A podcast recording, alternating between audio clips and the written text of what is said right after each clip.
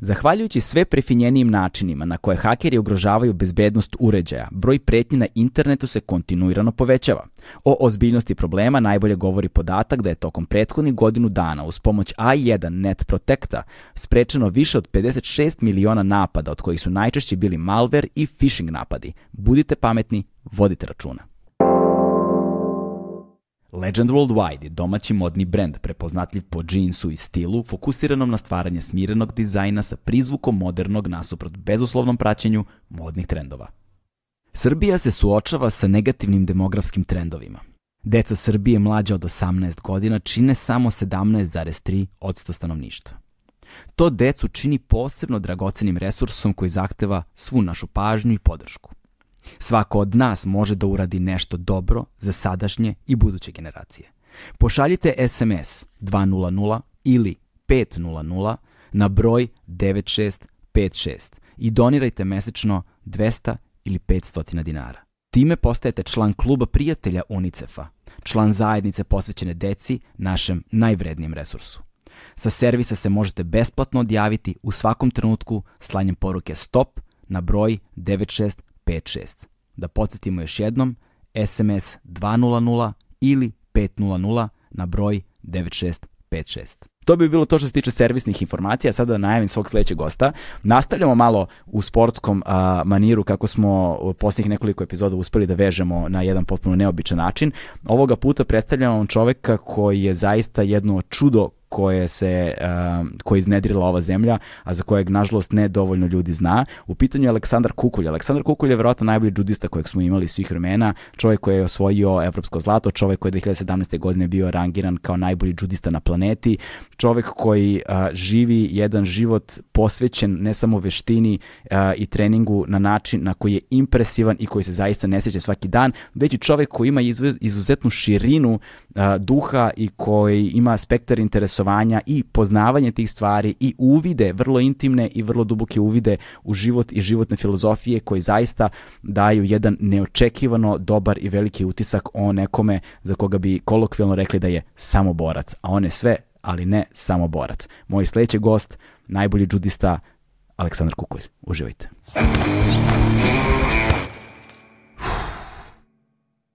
Hmm.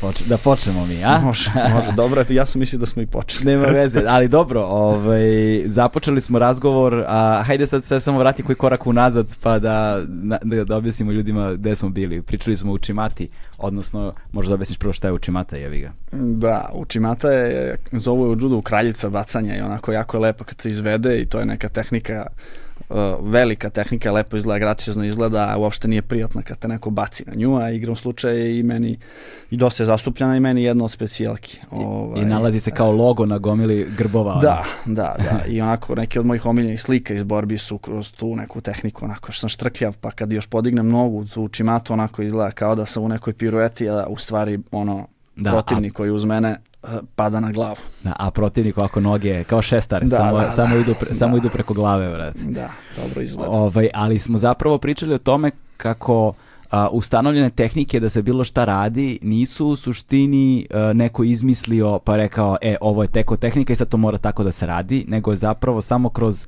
neprebrojivo mnogo pokušaja da se izvede nešto su došli do na, najefikasnijeg načina da se to uradi. Da. A sad ako ti imaš neki svoj način da to isto uradiš, priznaće ti se. Naravno. Znaš. I to je evoluiralo svakako i Jigoro Kano koji je osmislio koncept judo, on se neko vreme bavio borilačkim sportovima i imao je neku bazu, ni on sad sedeo i razmišljao o, o ovaj, bio posmatrač ptica pa izmislio, on kažu da je gledao vetar kada nosi lišće, eto kad smo ga pomenuli da mu je to bila neka inspiracija ali opet cela ideja je baciti protivnika na leđa i onda ti iznalaziš uh, neke efikasne načine i sad dođeš do nečega, ali to tokom vremena toliko evoluira i to je skroz u redu. I mislim, i onda ti kad kreneš to i da učiš, ne treba ga prihvatiti, škola postoji zbog čega je škola i školski način, da to je ono prečica, ja kad sam ti pomenuo prečica, tebi je zvučalo to kao nešto loše, ali to, suštinski to ti je minuli rad koji je neko uložio i umesto da sad ti krećeš iz početka, ti pokupiš tu neku bazu, ali e, mnogo je e, i kažem ti opet mislim da je to tako za sve, ti širiš neku bazu kojim god poslom da se baviš, mm. širiš bazu, Recimo, ja ni ne volim ono kad re, na, čuješ nekog na fakultetu, e, idem na fakultet, učim tamo neke gluposti, ko zna da će mi neka trebati u životu. Mnoge stvari ti neće trebati, a neke koje ni ne znaš možda će ti zatrebati, ali suština je da ti proširiš bazu svojih znanja i način razmišljanja potpuno.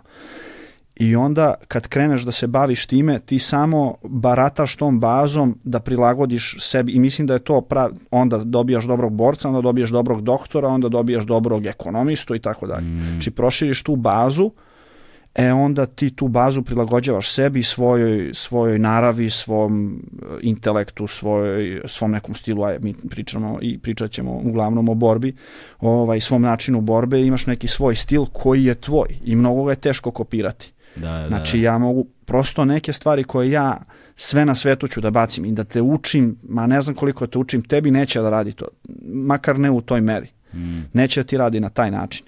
A opet to je možda iza toga stoji neki princip koji ćeš ti pokušavajući da naučiš to na, uradiš nešto potpuno peto.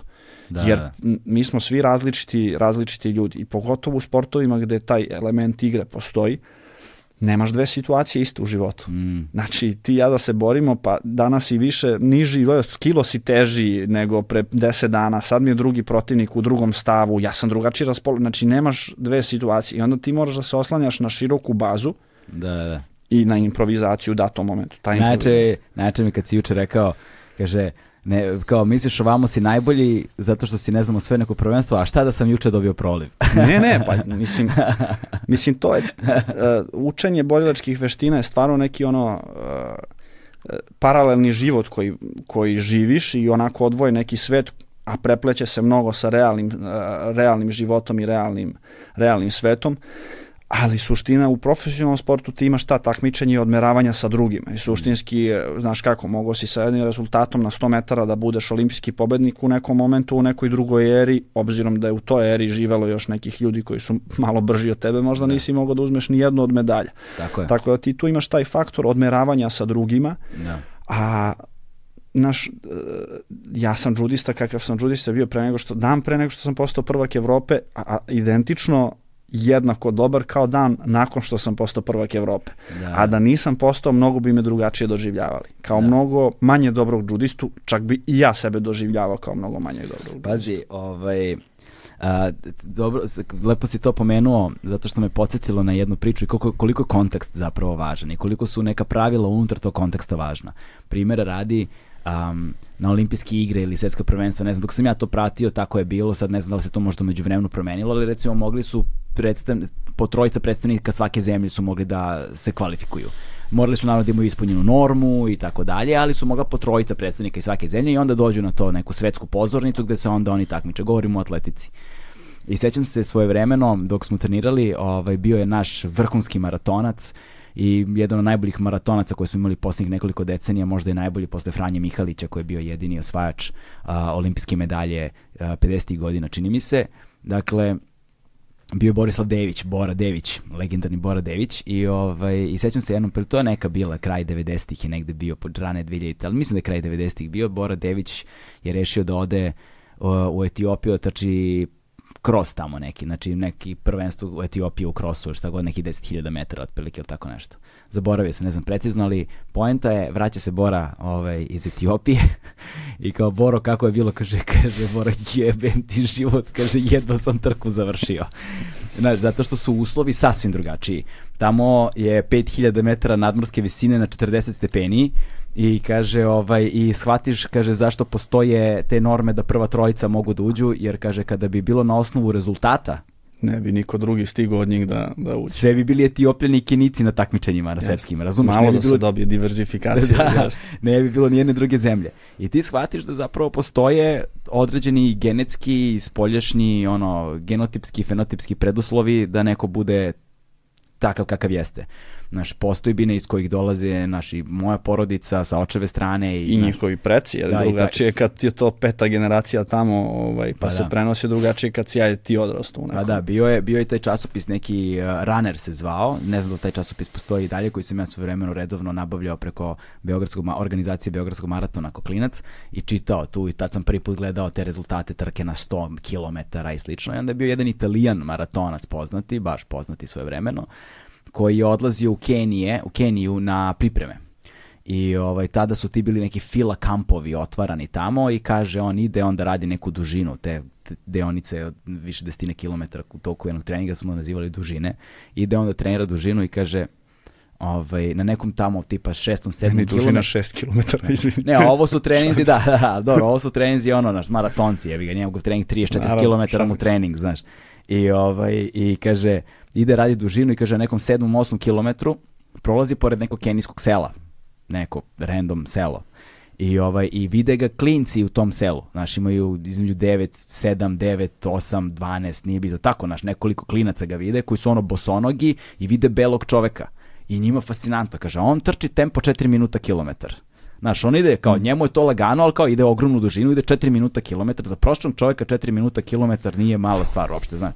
I kao ide on 4 minuta kilometar tempo, klinci ga vide i kao vide belog čovjeka kreću trče za njime i onda su trčali za njime još, na, još 10 km tamo i 10, 20 km su trčali sa njime, trčali oko njega u krug, bosonogi, igrali se, skakali, spevali i kaže on, kaže, kad sam završio trening, vratio sam kamp, bio sam u zonu, ja ne znam zašto ja ovo treniram. Promašili smo temu, da. Promašio sam sport, vrate, znaš. A, a vidiš, recimo, to, to je meni onda lepota, mislim lepota judo, a to su sad nezgo, ono, atletika kao takva i generalno sportovi gde se ti boriš protiv nekih svojih maksimuma koji su definisani u smislu uvek su isti, vreme ti je uvek isto na određenu distancu koju juriš i, ili kilaža u dizanju tegova ili u plivanju vreme ili ne znam distanca koju ćeš da baciš šta god. To je jedna varijanta i tu stvarno igra mnogo i genetike i svašta nešto i čak smo i pominjali i ti ja ranije i, i svašta što se dešava u modernom sportu, a to ko zna od kada datira i to je da. neka tabu tema koju ja generalno nikad nisam imao problema da pričam, vezano za, nazvaćemo je suplementaciju blagim ovaj, e, kako Joe Rogan naziva, Mexican da, supplements. Da, da, da, da. E, ovaj, dok opet u sportovima gde ti imaš taj faktor teorije igara, gde mi moramo se nadmud, nadmudrimo, da ja te i treba uradim nešto, a da pritom ne dozvolim da to isto uradiš ti meni. E tu opet naravno igra ulogu i genetika i svašta tu nešto, ali opet je opet nalaziš neke svoje načine da, da, da na maštovit način pobediš protivnika, znaš, ja. da, da ga nadmudriš. Znači, imaš taj faktor nadmudrivanja. Ne možeš da ga nadmudriš kad treba da trčite na, ili ne znam nija, dođeš na takmičnu skoku u dalj i došlo je još pet ljudi koji imaju 15 cm veći rekord lični nego ti. Dek im je loš dan, skočit će 10 manje da. i znaš, opet, e, kako ti objasnim, opet, teško je doći do tog nivoa. Kad dođeš do tog nivoa da su ti tako visoki rekordi, onda ti je do, dosta lakše. Mnogo je teže da, da zajebeš, razumeš, kada imaš, kada imaš nešto što ti je apsolutno poznato da, i uvek ti je... Pa, znaš uvek... kako, u, u atletici konkretno je više psihološka vrsta pritiska, za, zato što uh, u nijansama se dešava, dešavaju ti sukobi, znaš, znači de, ima, ima borbe i ima tog psihološkog momenta, pričali smo o tome, znaš, da, kada, da kada, kada, ako ja u pravom trenutku, dok smo ono, recimo egal, trčimo jedan do drugog, ako u pravom trenutku prepoznam kad treba, iako nemam snage. Ti mu lomiš duh. Ti mu, ti mu dušu mu vadiš. I ako na pravom, u pravom momentu, baš to što si rekao, Premotaš, u pravom da. momentu, da. mislim, to su ti Možda, nemaš, možda da. ti nemaš snage narednih 200 metara to da Nemaš, taj tempo. kad ga ti slomiš, on gotovo je. Gotovo, znači, on ostaje gotovo, iza nema, onda, onda on kreće u onu fazu da završi trku, ali u našem slučaju borbu, a da se ne obruka. Znači to, njemu to, je to sledeći cilj. Da. Znači ti recimo u judu kad mu slomiš duh, a to se isto oseti kad kažeš sebi samo još jedan napad i gotovi. I ti osetiš promenu, naš, promenu čoveku u rukama. Ja im, ja im recimo čujem disanje jako često. Kad sam jako dobar i dobar za takmičenje i fokusiran, ja u celom onom haosu ga čujem kako diše. Čujem li ga da je na pola koplja. Da. Samo malo da dodam. I ti osetiš recimo na malim nekim stvarima da nešto za što se on bori dva minuta te borbe mm. i na čemu insistira da je samo u nekom momentu to prihvatio. E sad ako i ti popustiš tada, on se vrati u život. Da, da, Ali da. ako ga tad samo malo stisneš, njegov sledeći target postaje da izađe iz te borbe na najbezbolniji način i da se što manje obruka. Mislim to je, kako ti objasnim, to zvuči neverovatno, ali mi koji smo u borenju znamo šta je to. I to se dešava naj, naravno ređe onima koji su iskusniji, koji su ono opredelili se za, za, za tu borbu da se time bave što se kaže u životu, ali to se dešava, to je, mm. to je stvarna stvar i to se dešava nekome u drugom minutu, nekome u sedmom, ali hoće da se desi. I sad naravno lakše ti kad ti se desi, kad ti to definišeš, da ti to kad prepoznaš i u borbi, da kaže, ma daj majmune jedan ono, ima tu načina, znaš, u judo ja sam trebao svojim roditeljima da objasnim ne znam ni ja koliko puta, znaš, ono, kad se uhvatim za kolana, znači mi svaki put prsli ligamenti, znaš, ono, nekad mi treba samo da, ono, udahnem da mogu da zapnem opet ili da konsolidujem misli jer su krenuli da beže ili mi ne ide pa mi treba nešto da, jer onako, judo je i sad ti je opet borilački sportovi su specifični, kratko traje borba. Da su laki, trajala bi borba sat vremena. Da, znaš, da, da. 4 minuta borba u judo. I, ovaj, I tu kad ti krene na izbrdo, nemaš mnogo vremena da se popravljaš. Na izbrdo u psihološkom smislu. Mm. Ne mora da bude pao si pa juriš prednost, to je jasno. Ali... E da, to je, vidiš, vrlo zanimljiva stvar kod borenja. Borenja mi je to uvek bilo zanimljivo. Kod judoa mi je takođe stvarno zanimljivo zato što judo posjeduje nekoliko elemenata koji čini mi se da se u drugim borilačkim veštinama, odnosno u drugim ono, aspektima borenja ne vide toliko.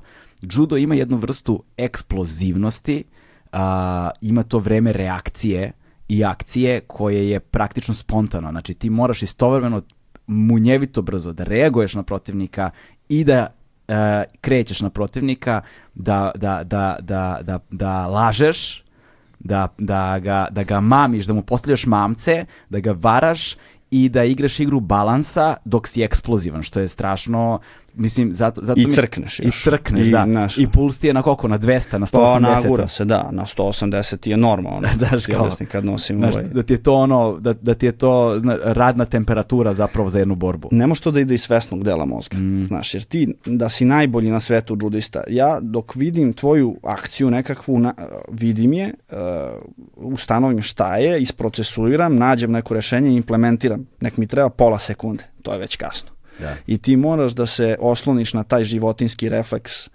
potpuno, jer kad refleksno reaguješ, to je ono, to je to. A to je opet zadatak psihološke pripreme.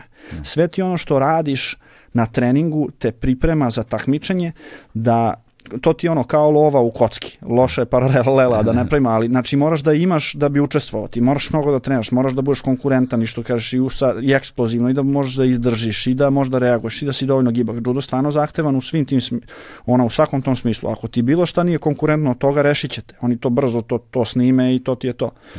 A onda kad dođeš na takmičenje, to kakva ti je glava, to odlučuje da ćeš i dokle ćeš da dogovoraš. Što da će glava dozvoliti tvom telu da reaguje kako treba, e to je to što te, što te mm. razdvoji. Ti, ovaj, ja, da li... ti ja u praznoj sali i ti ja pred 10.000 ljudi nije isto. Stvar. Nije isto, da. I da li ćeš ti uspeti, ma vidi, i prazna sala ima svoje demone, razumeš? Da. Imaš ljude koji ne mogu u praznoj sali ništa jer ih radi da ih gleda neko, znaš, pa onda u praznoj sali imaš ljude koji ima apsolutno to nije ni bitno, mislim, ima da. ljudi nekih, da je profesor Ćirković, on ti ono, uh, živa legenda među nama judisti, on je čovek, e, profesor na, na DIF-u, bio profesor borenja, sada je u penziji i čovek koji onako mnogo kopa ispod površine, mnogo nekih citata sam ja zapamtio od njega da on i ne zna da sam ih ja zapamtio. I kaže on meni u jednom momentu, kad sam ja još klinac bio 22-3 godine, kaže, onako malo iskače sa teme na temu, a kad samo mi ubaci nešto, ja, pet dana me to vozi, razumeš, po, na treningu me to nosi.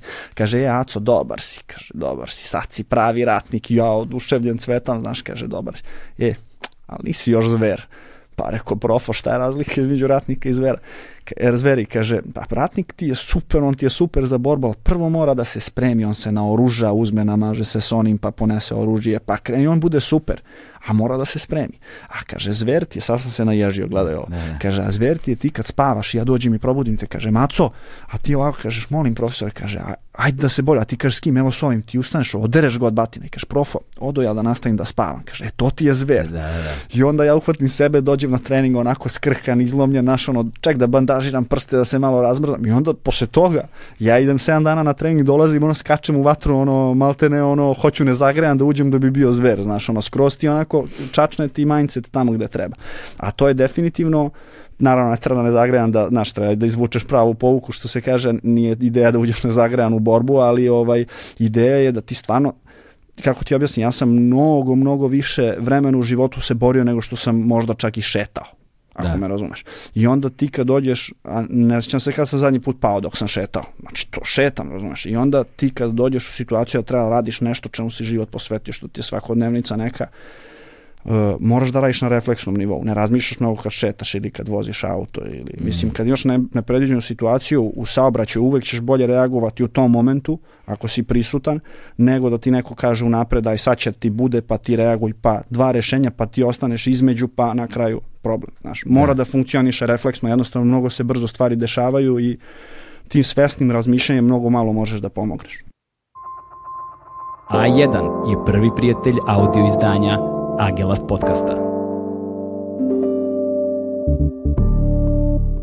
Da, e, a sad ono što, na što se ovo super nadovezuje jeste ono što sam malo pre htio da pomenem, a to je da pored očiglednih razlika između, ne znam, eto kao počeli smo sa atletikom i judom, mislim o judu ćemo da pričamo uglavnom i u borenju u, u, sve u svemu, u šir, kao širim aspektu borenja i šta ono psihološki i emocionalno i vaspitno i ovako i onako znači i za tebe i za svet oko nas u kojem živimo danas posebno, posebno kad govorimo o deci, to je jedna, jedna vaspitna a, vaspitni aspekt, uh, obrazovni aspekt psihologije deteta dosta važan, čini mi se, ali uh, pored očiglednih ono razlika a, između ne znam atletike i kao borenja Um, mislim da je negde najočiglednija razlika, barem iz mog iskustva, a, to što u atletici je strašno važno da ti isključiš prekidač. Posebno kad govorimo o tim long distance, ono, dužnim tako, tako, tako će ljudi koji ne, recimo, ne znaju, ne prate, pa im to nekad su primetili, budim čudno, kao na primjer vidiš ono kad, kad kažu imaš zečeve. I oni, često ćeš videti situaciju da kada neko juri rekord, ima zeca u trci A, Zec je neko koji je vrhunski atletičar, znači neko koji je ono elita, podjednako elita, samo što je, naš, kad su margine tako male, onaj, onaj stepenik iznad se jedva, onaj 1% gore se najteže postiže, znaš ovaj, a, koji ima zadatak ili recimo kada su mnogo duže trke, ono maraton i tako dalje, imaš više zečeva koji se etapno menjaju. Dakle, to su ljudi koji imaju sve podatke u glavi i oni su zaduženi za tempo, za vreme, za distan, za sve su zaduženi oni. I onda oni se samo ulete ispred tebe i oni treba da drže sve što treba da drže, oni drže tvoje samo da ih gledaš u, ono, u, u, u ramena i da, ne daš da pobegnu. Ne daš da pobegnu, to je to. Samo ne daš da pobegnu. Držiš u i onda oni kada završe svoje, izlazi, ulaze drugi i nastavlja da te vuče. Tvoje je da samo isključiš prekidač u glavi i isključeno je. A, u borenju, a, baš zbog ovih svih aspekata o kojima smo govorili, gde imaš i zapravo protivnika kojeg treba da dobiješ, ti istovremeno treba da budeš isključen, jel te da imaš taj refleksni, instinktivni i da je to sve muscle memory neki ovo ono, ali istovremeno treba da budeš i uključen. Prisutan. Prisutan, da, apsolutno, prisutan, apsolutno da. prisutan, što znači da ti negde balansiraš ta dva, hodaš po toj tankoj liniji. Što si malo pregovorio, takođe opet hodanje po nekakvom balansu, znaš, nekakvoj liniji koju ti treba na neki način da državaš. I mislim da je to jedan od ono najtežih tih psiholoških aspekata, jer uh, dušu ti uzima to sve, znaš, dušu ti uzima, ti moraš da budeš prisutan dok ti dušu uzima, znaš, na neki način. Da, I da, i da, moraš da budeš svestan svega. Tako je, i da svesno ne daš da ti uzima dušu. Ta, taj aspekt, ono, savlađivanja toga, ja mislim da to neko dok ne proba ne može znaš šta je. Jeste i ono što, što takođe ljudi često onako površno gledajući sport dok se ne udube malo čega nisu svesni, to je da mi sad pričamo o takmičenju. Meni je takmičenje ajde nije mi lakše od bilo kog nekog treninga, ali recimo od tri treninga mi je uvek lakše, razumeš? Da. I ono što se vidi na takmičenju iza toga je takvog povraćanja na uh, stajalo tri meseca. Razumeš? Tako da uh, sad pričamo o prekidaču, ti dok treniraš u atletici uglavnom taj prekidač gasiš, Tako da bi je. tebi bilo lakše da izvuče. Dok kada treniraš u judovu tu je obrnuto. Znaš, i ima treninga kada ti opet treba da budeš onako na svojim nekim maksimumima maltene takmičarskim, ali ti dosta razmišljaš, razmišljaš o tajmingu, razmišljaš o nekom kretanju, razmišljaš o načinima kako budeš efikasni i tako dalje, pa se nešto izrodi potpuno, ono, kako ti objasnim, ako, ako nemaš takav pristup, postaneš uskraćen za mnoge neke stvari.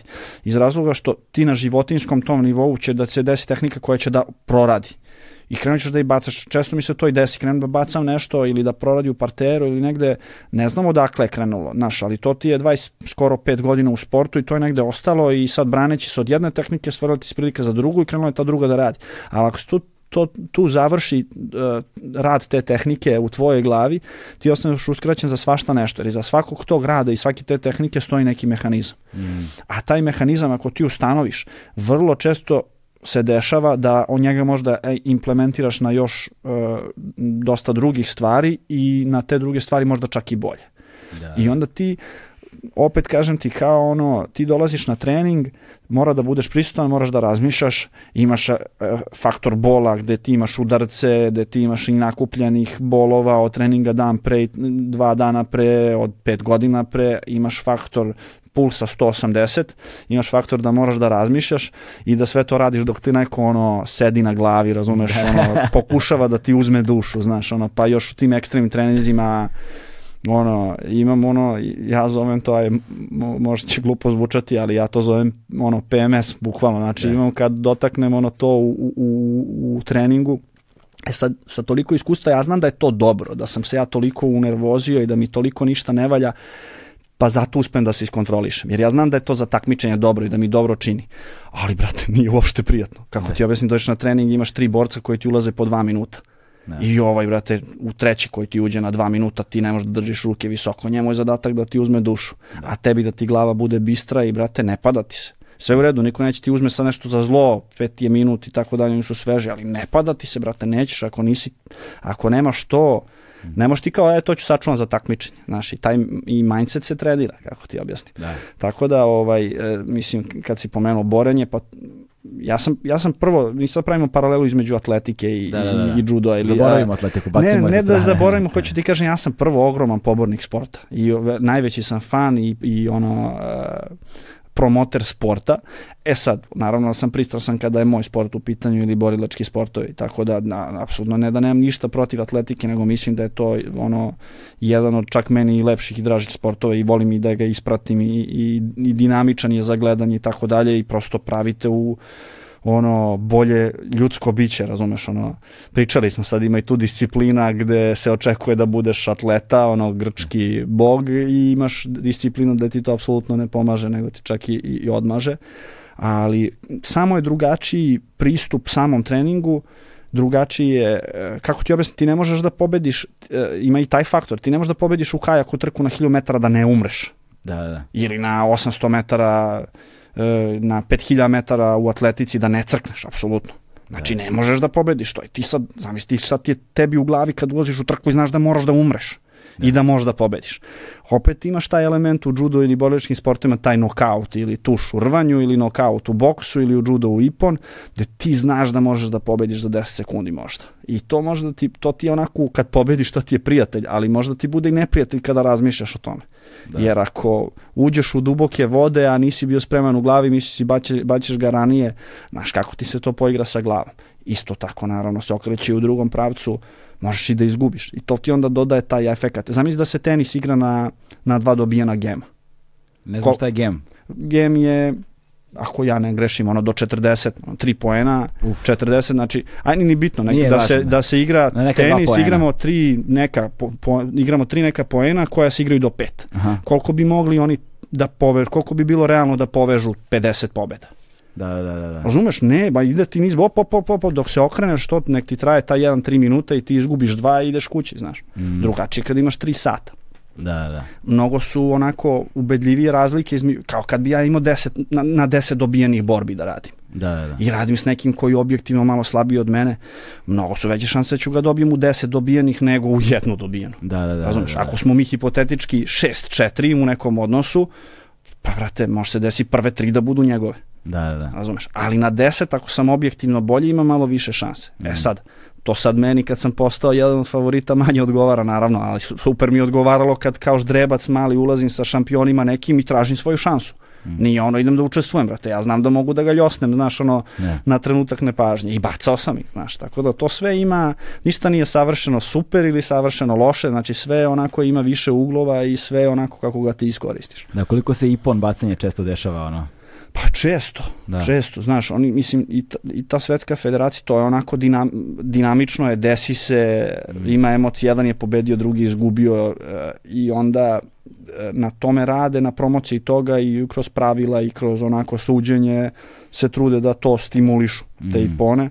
Svetska judo federacija ne ide im uvek sjajno. Da ovaj, i čak onako iz ugla nas takmičara pravi nekih dosta i grešaka pokušavajući onako površno malo, mi smo ipak tamo profesionalci, ti ćeš meni da uspostaviš pravilo sa tendencijom da ja bacam na ipone, ali brate ja ću opet ako nađem neki backdoor, backdoor da ja mogu te pobedim na kazni ili da to iskoristim na neki način. Mm Ajde samo da pre nego što, pre nego što nastavimo razgovor, pre nego što nastavimo razgovor i pre nego što počnemo ono da se bavimo kroz prošlost stvarima, samo da a, naglasimo za ljude koji ne znaju za tebe, ti si 2017. godine čini mi se bio rangiran kao broj 1 uh, na svetu, je li tako? Bio si evropski šampion uh, koje godine? Iste te 2017. Iste, iste te da. 2017. godine, vice šampion sveta prošle godine. Prošle godine. Da.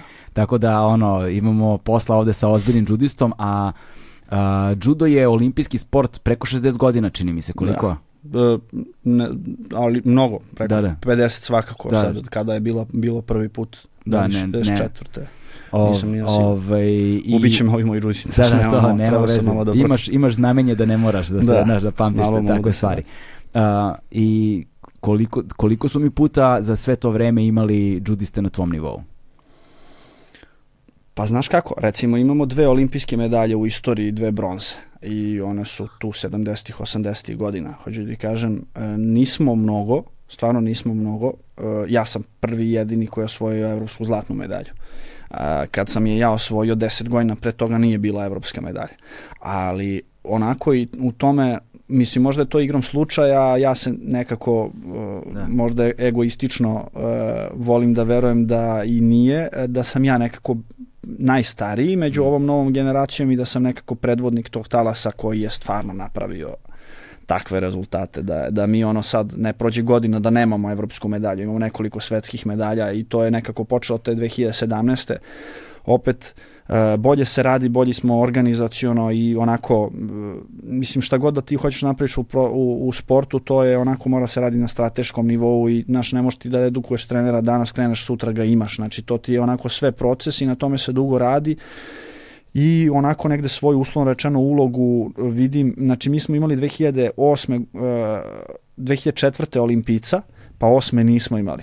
Pa mm. 12. je bilo jako sušno i, i Rus Gerasimenko je se borio tada za nas ovaj, i na taj način smo imali olimpijsku normu. Onako on je stvarno se asimilovao naš, ono, i osetili smo ga kao svog, ali opet to je ljudima bilo bio uslovno rečeno, ja kažem, izgor on je tamo, Rus tamo je trenirao, pa on može. Mm -hmm. E onda kada sam ja krenuo to, da ja sam onda bio 2016. jedini olimpijac, a 21. smo ih imali pet. Da, da. Znaš, baš je onako krenulo ekspan, ali mislim da je, da je moja uloga tu najviše u tom nekom psihološkom momentu gde sam ja pokazao, da sam ja neko koga su oni svaki dan mogli da gledaju, znali su me jako dobro, znali su me da sam se i povređivo, imao problema razno raznih, nije mi uopšte karijera bila jako glatka i čista i uređena i, i isplanirana, a opet sam napravio svašta nešto i, i više ljudi uslovno rečeno nisu sad imali izgovora. Znaš, nije to više lestvica skroz pomerila. Balkansko prvenstvo koje je bio ultimativni cilj a evropsku medalju, ako ne daj Bože, slučajno kvrcneš i imaš tu nacionalnu penziju, kači kimono, klin i, i završio si svoje, to se stvarno promenilo. I sad već ispod evropske medalje se ti ne doživljavaju te kao naš, kao šta si, Balkan, naš, pomerilo se to potpuno. I ovaj, sad je momak uzeo na, na evropskom prvenstvu, ušao u finale Brašnjević, on je 99. godište. Znaš, to se pomerilo onako, tako da ovaj, e, verujem da, mislim verujem, podaci pokazuju stvarno se vidi da idemo u, u pravcu da postanemo neka svetska vele sila u judovu i ne može biti ponosnijeg čoveka od mene što je to tako. Ja sam ipak život ono posvetio, radni vek za sada posvetio judo. E, pa vidiš, ali to je ono što je zanimljivo. Da, I naš Novak Đoković, kada je postao Novak Đoković, odjednom su svuda počeli se otvaraju teniski tereni.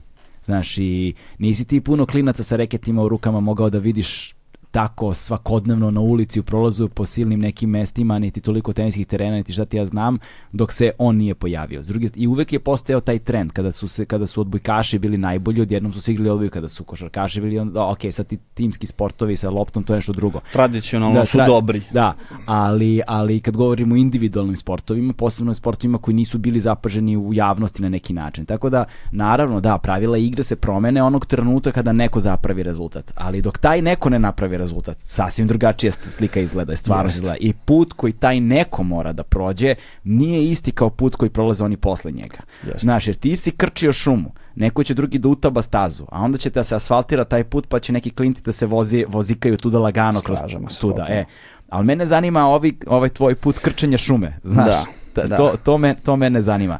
Kada i kako počinje judo za tebe u životu? A samo ću napraviti malu digresiju, opet se vraćamo na ono, ajde da ne kažem da pričam protiv sebe, ali ti krčiš šumu i krčiš i tu uvek treba bude neki glavonja mali i od preko drine, razumeš, da. ono koji će glavom kroz zid da prođe i prošao sam i sve u redu, a kad ti prokrčiš put to baš sve to, svi ti klinci dalje možda im bit će im verovatno lakše, ali će ih biti više. E onda ti imaš jednoga, a sedmorica mu dišu iza. Da, da. Znaš, i onda ti to stvara skroz opet neku novu igru koju opet treba do, mm. dorasti. Tako da opet ništa nije savršeno dobro ili savršeno loše i, i nadamo se, to je super za zemlju i za, i za ovo, ali za pojedinca nije uvek. Znaš, ono, u, u Gruziji ili u Japanu, brate, jedna greška, oni te menjaju i ideš dalje. Da, da. Tako da to onda neka nova vrsta pritiska. Ali kao nacija treba težimo tome, jer to je za naciju svakako svakako dobro i svakako bitno. Ovaj, a što se mog puta tiče, ja sam krenuo da trenam sa 7-8 godina, moji roditelji su inače iz Bosne i Odakle? Mesto Kukolji, odakle mi je otac kod Kamenice, pa malo unutra tamo, inače rođen sam u Pragu, otac mi je bio šofer je u penziji sada, a radio je tada za neku našu firmu, na neku trudbenik koja je u tom momentu imala projekte po svetu, tako je radio i u Iraku, mm. do par godina radio je u Crnoj Gori i tako dalje u tom momentu kada sam ja ovaj, se rodio, radio, radio je u Pragu i već je bio s mojom majkom pa su tamo zajedno živeli i sad ja se rodio 91. to su godine kada je kretalo ovamo svašta nešto što, što, znamo, što, da, da što nije trebalo da krene. E, deve, već, ja sam septembra rođen, znači početkom 92. mi smo se zajedno vratili u selo, ovaj, ne znam ni s kojom idejom, nije bila ideja da se tu zadržimo, nego da se vidiš stanje, vratili smo se iz Praga, tata više nije tamo, ono, vratio se, vraćao se s tog projekta. Tamo se zakuvalo, majka i ja smo prešli za Beograd, e, otac je tamo ostao kao dobrovoljac e, nekoliko meseci da brani svoje ognjište, što se kaže, i ovaj, u momentu kada je to sve popadalo i on je došao za nama.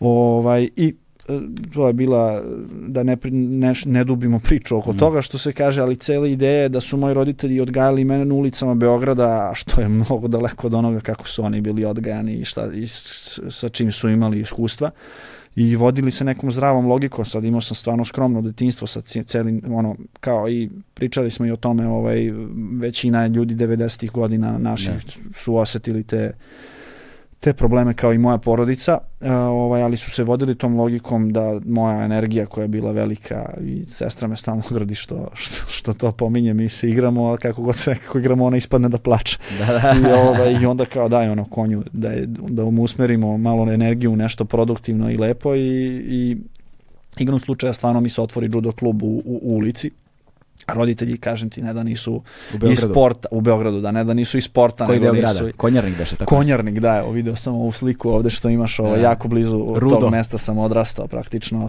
tu smo neke možda 93. četvrte, praktično od kad ja pamtim, uh, od kad znam za sebe što se kaže, tu sam i, i tu sam Uh, tu sam i živeo dok se nisam oženio i, i pozdrav za, udao po, u drugi kraj. pozdrav za brata Mirka Nahmijasa koji je napravio ove fotografije.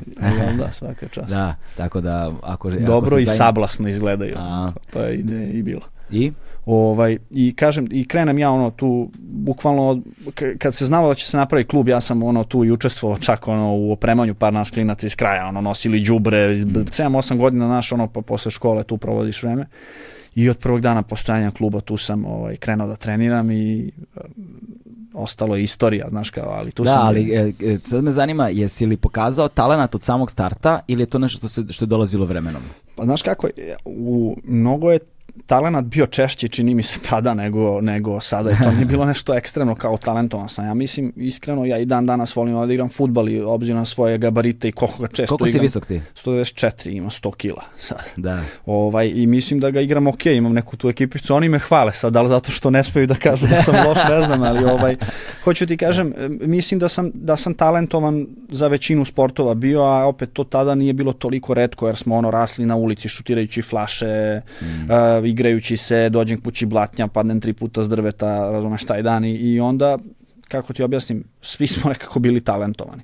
E, jedino što ja, onako, to mi se pokazalo kroz život, da stvarno kad krenem nešto da radim, prvo malo, malo imam to ono da, da nisam neki fan promena nekih, da li se onako uljuljkam u konforim i tako dalje, a ne znam, ne znam da li ima veze sa tim, ali između ostalog i da masu stvari u životu, sve što, što radim sada, pogotovo ja volim ali dosta nekih stvari nisam voleo pa sam krenuo da ih radim, nego je bilo obrnuto. Znaš, ono, po nekom defaultu krenem to da radim i imao sam nekog dara da ja kopam ispod površine da nađem nešto što je meni super zanimljivo. Tako je mm. bilo i sa judom. Ja sam to krenuo i onako evoluirao je moj pristup judu zajedno sa mnom. Znači, kako sam ja rastao, tako mi judo bio nešto drugo u životu i, i uvek mi je bio ono što mi je trebalo u tom momentu. Znaš, u mhm. početku mi je bilo fizičko, ono, dodatno, razumeš, ono, koje smo svi voleli i, i ono, idem da se zezam, još kažem ti par nas tu iz kraja. Pa onda posle rasteš, ja sam... Do kog pojasa si se samo zezao? Da, pa ni ne znam i to nije onako, ja mislim da. do operacije kolena, znaš, sa, sa 17 godina, tad sam onako bio, je, znaš, da li ću da se ja lomim, da ne znam zašto, ili ću da,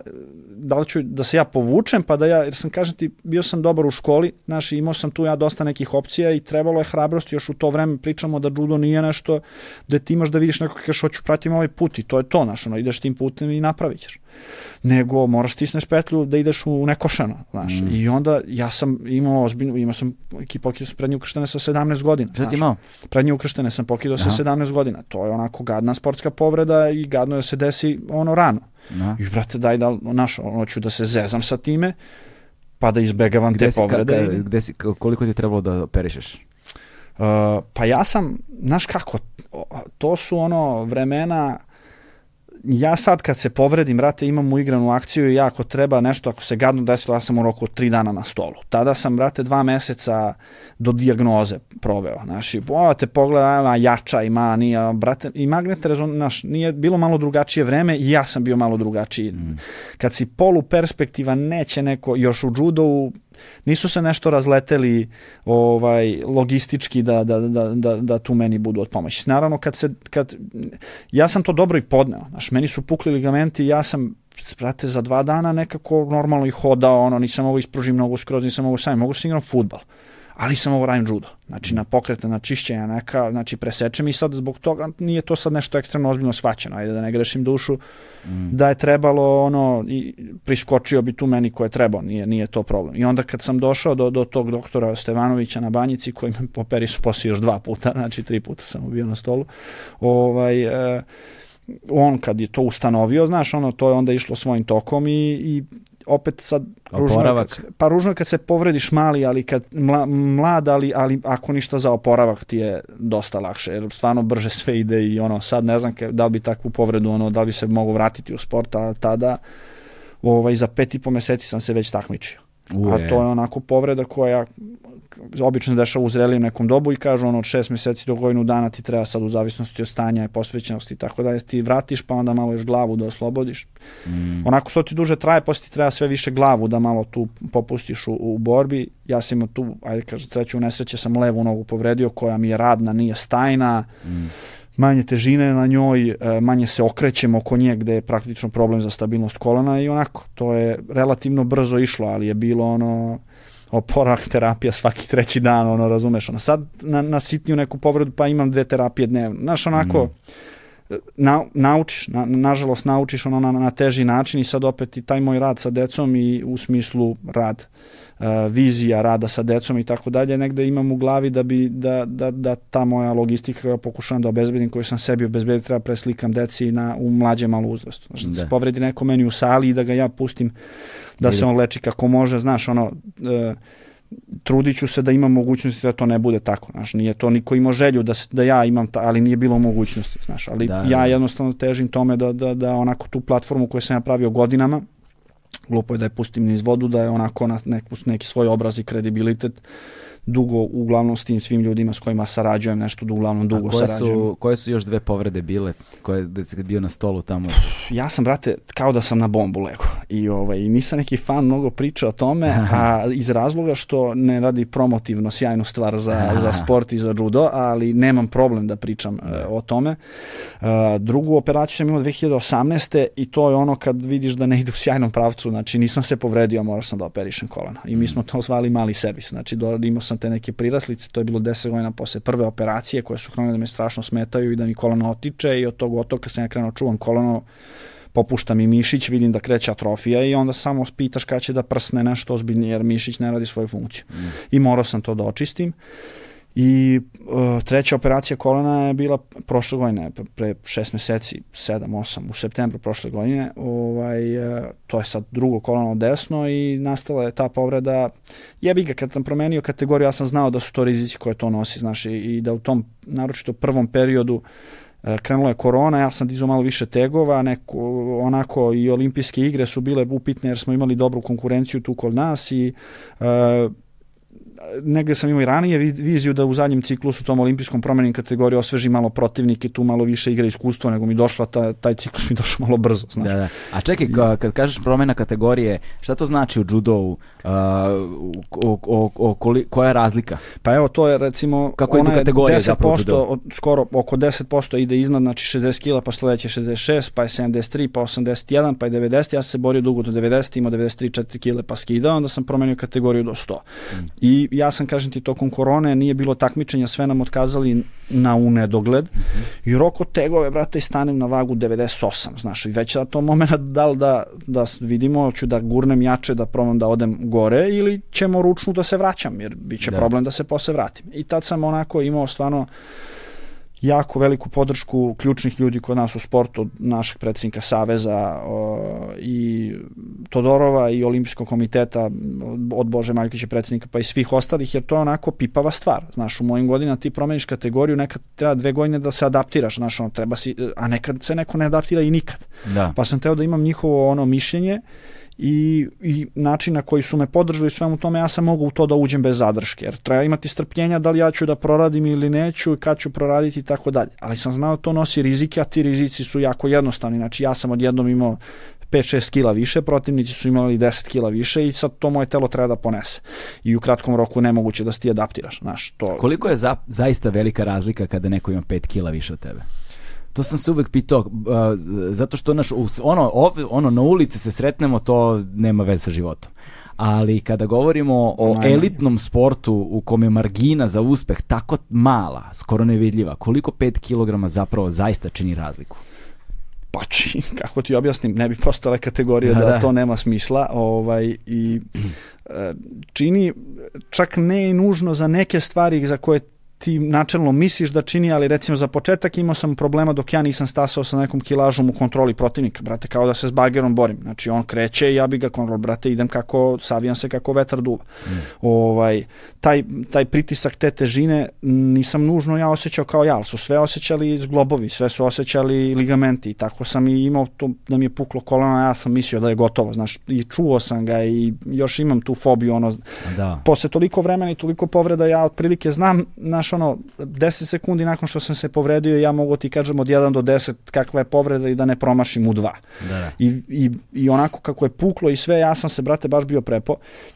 Brzo sam ustanovio, ono, skonto sam brzo posle borbe da nije bilo, nije smak sveta, ali nešto se desilo, razumeš, krenulo već da otiče, naš nije mi koleno nestavio, bio meniskus, parče meniskusa, mora da se fikne i to je mehanička stvar, mora da se očisti, ali ovaj, eto ti je ta povreda. Ja sam prilično siguran da nisam bio u, da, u većoj kategoriji da se ne bi desila. Znaš, da. mora telo da se navikne, protivnici su i od tada bili, i od sada su teži malo od mene, ali kako ti objasnim, malo onako, nije, nije isto 3 kila i, i ja sam uvek radio s tim težima dobro, znaš, da. onako, e, ja se dosta oslanjam na tajming, konkurent, konkurentan na tu snazi i onda ovaj, dobro sam se snalazio sa njima. Ali, brate mi, ti treba da radiš na takmičenju pet borbi, par borbi da pobediš, znaš, nije sad isto pobediti u ligi, u ligaškoj borbi neku jednu borbu, jer je trebalo ekipi da odradiš do 100 kila i kad ti treba da ono pet što ti kažeš elitnih boraca treba pobediš četvoricu da bi uzeo medalju. Mm ne može da, brate, se to izdrži. Znaš, druga stvar, kako nam takmičenje odmiče, oni koji su skidali kile do 100 kila, oni se sve više pune, a ja se sve više praznim, jer nisam, nisam skidao, nemam taj efekt sunđera u organizmu. oni se zapravo mere samo pred početak celog prvenstva. Svi se merimo samo pred dan, pred takmi, i nama je celo takmičenje u jednom danu. Ali neko ko je skidao 7, mislim, ja sam to radio do 90 kila, nadam se da ću uskoro i do 100, još nisam dotle došao. Ti ako sa 107 kila skineš na 100 kila i izmeriš se i uveče i kreneš da klopaš i da piješ, ja sa 97 8 pun, ja isto to uradim, meni se zadrži 30% onoga što se zadrži tebi, tvoj organizam, tvoje ćelije su dehidrirane, željne, zadrže više tečnosti i tako dalje. E, to se isto dešava sutradan. Ja kao neko ko se nalivo, brate, radim zagrevanje, brate, lije iz mene znoj, znaš, ovaj ovde gledam ga skoro pa suvi, moram stanem sa zagrevanjem, svuću se na 95, brate, razvlačit će me tamo. Da, da. I onda, to je pogotovo recimo u tom startu sam, kad sam krenuo da ulazim u te finalne blokove pre svetskog prvenstva na dve, dva Grand Slama sam ušao u borbu za medalju, brate, najveću, ozbiljnu razliku osjećam u borbi za medalju, jer ona je u šest popodne, da. a takmičnik na u 10 ujutru. Či on ima jedno 3 kile više nego ujutru, ja imam dve manje. Da, da, da. I, da. brate, nije, naš ono, nije, nije zanemarljivo, ono baš ni malo, znaš, nije, da, ono baš da, da. ni malo. Sad, to ti je, de, de, to što ti kažeš, boli mene uvo, naš, kad se boriš s nekim nižeg ranga, a da ne priča neko ko se time ne bavi, to ti nije uopšte faktor, razumeš? Da, da. Ali, može bude i na steroidima i da ima 20 bude kila šta više, hoće, pa šta hoće. To, bude. Ja se bavim ovim, razumeš, što da. ti je, kako ti objasnim. Mnogo ljudi to olako shvate. Mislim, mi, borci, se bavimo time, to, od toga mnogi žive, znaš, sad, redko ko će da pomisli da može da dobije u šahu tebe koji, razumeš, da. to će redko ko da pomisli, ali u ovome nekako im je blisko pa misle možda bi oni tu, ti se time baviš, znaš mm, ono, da, da, da, tolika je razlika. I, ovaj, dakle, ti zapravo prvi put ozbiljno počinješ da promatraš sebe, svoju judo karijeru nakon stvari te prve povrede sa 17 godina. Tačno. To je bila prelomna tačka na neki način za tebe. Jeste, jedno od svakako da krenem putem ti, onako, ja sam 2000, to je 2008. sam se operisao u novembru, mm. a 2000, ja sam tad krenuo u pravcu onako i malo sam krenuo da stasavam mm -hmm. i sve to nešto, i o tome smo malo pričali, ja sam malo onako kasnije sazreo u odnosu na svoju generaciju i morao sam malo neka ludačka, lucidna rešenja da nalazim da bi im parirao, jer, brate, jači od mene nekako, znaš, on nije više nešto trenirao, ali jači. I onda kad sam ja stasao posle, sazreo da mogu da, da sam tu jednak njima, da sam ih sustigao, meni su ta lucidna rešenja i specifičan taj judo ovaj, su mi ostali oružje i ostali su mi do dan danas. Mm -hmm. ovaj, I to stasavanje moje se dešavalo negde od 2008. do 2010 ovaj, da sam ja onako u šest meseci ne mogu da se prepoznam ili sam se borio s nekim protivnikom na treningu nekom gde sam jedva živu glavu izvlačio i šest meseci posle ja sam bio po nekim pripremama ovo ono, ja ga imam na takmičenju i u glavi mi je bilo da je bilo čupavo na treningu prošli pa onda uzmem i oderem ga oderem ga, razumeš, da onako ne, ne mogu da verujem šta se dešava. I to je onako stvarno jedan period koji mora se iskoristiti u sportu. Znaš, ja to sad kad pričam sa mlađima, ne možeš, ne možeš ti da napreduješ 200% u godinu dana sa 25 godina. Da. Ali kad te pogodi taj period, nekom je s 15, nekom 16, 17, 19 recimo, to moraš da iskoristiš kako treba. E onda je neka druga prelomna tačka, ali one su možda tu i povezane, jer sam već bio u nekom zaletu, bio da, da, da ja kao učenik generacije druge ekonomske škole treba da izaberem da li ću da krenem putem obrazovanja mm -hmm. i da mhm. će definitivno trpeti judo ili putem judo, a da će u nekoj meri trpeti obrazovanje. Znaš, i, mislim, iskreno ti kažem, ne osjećam se da je trpelo da. iz ove perspektive, ali u tom momentu nisam mogao to da znam.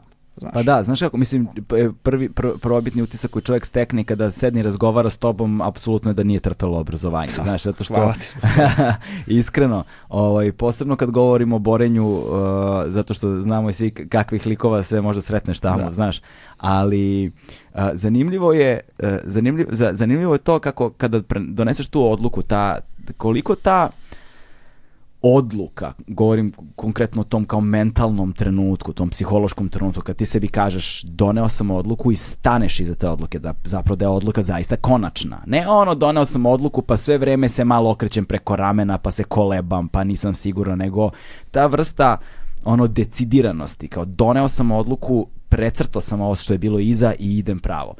Takva vrsta odlučnosti sigurno donosi jednu, ono, osim tog osjećanja sigurnosti i ono, nedvosmislenosti, to je to, prihvatam posledice ovoga kakve god da su, ali prihvatam i nagrade ovoga kakve god da su, odnosno stremim ka njima, koliko se u tom trenutku menja način na koji ti radiš?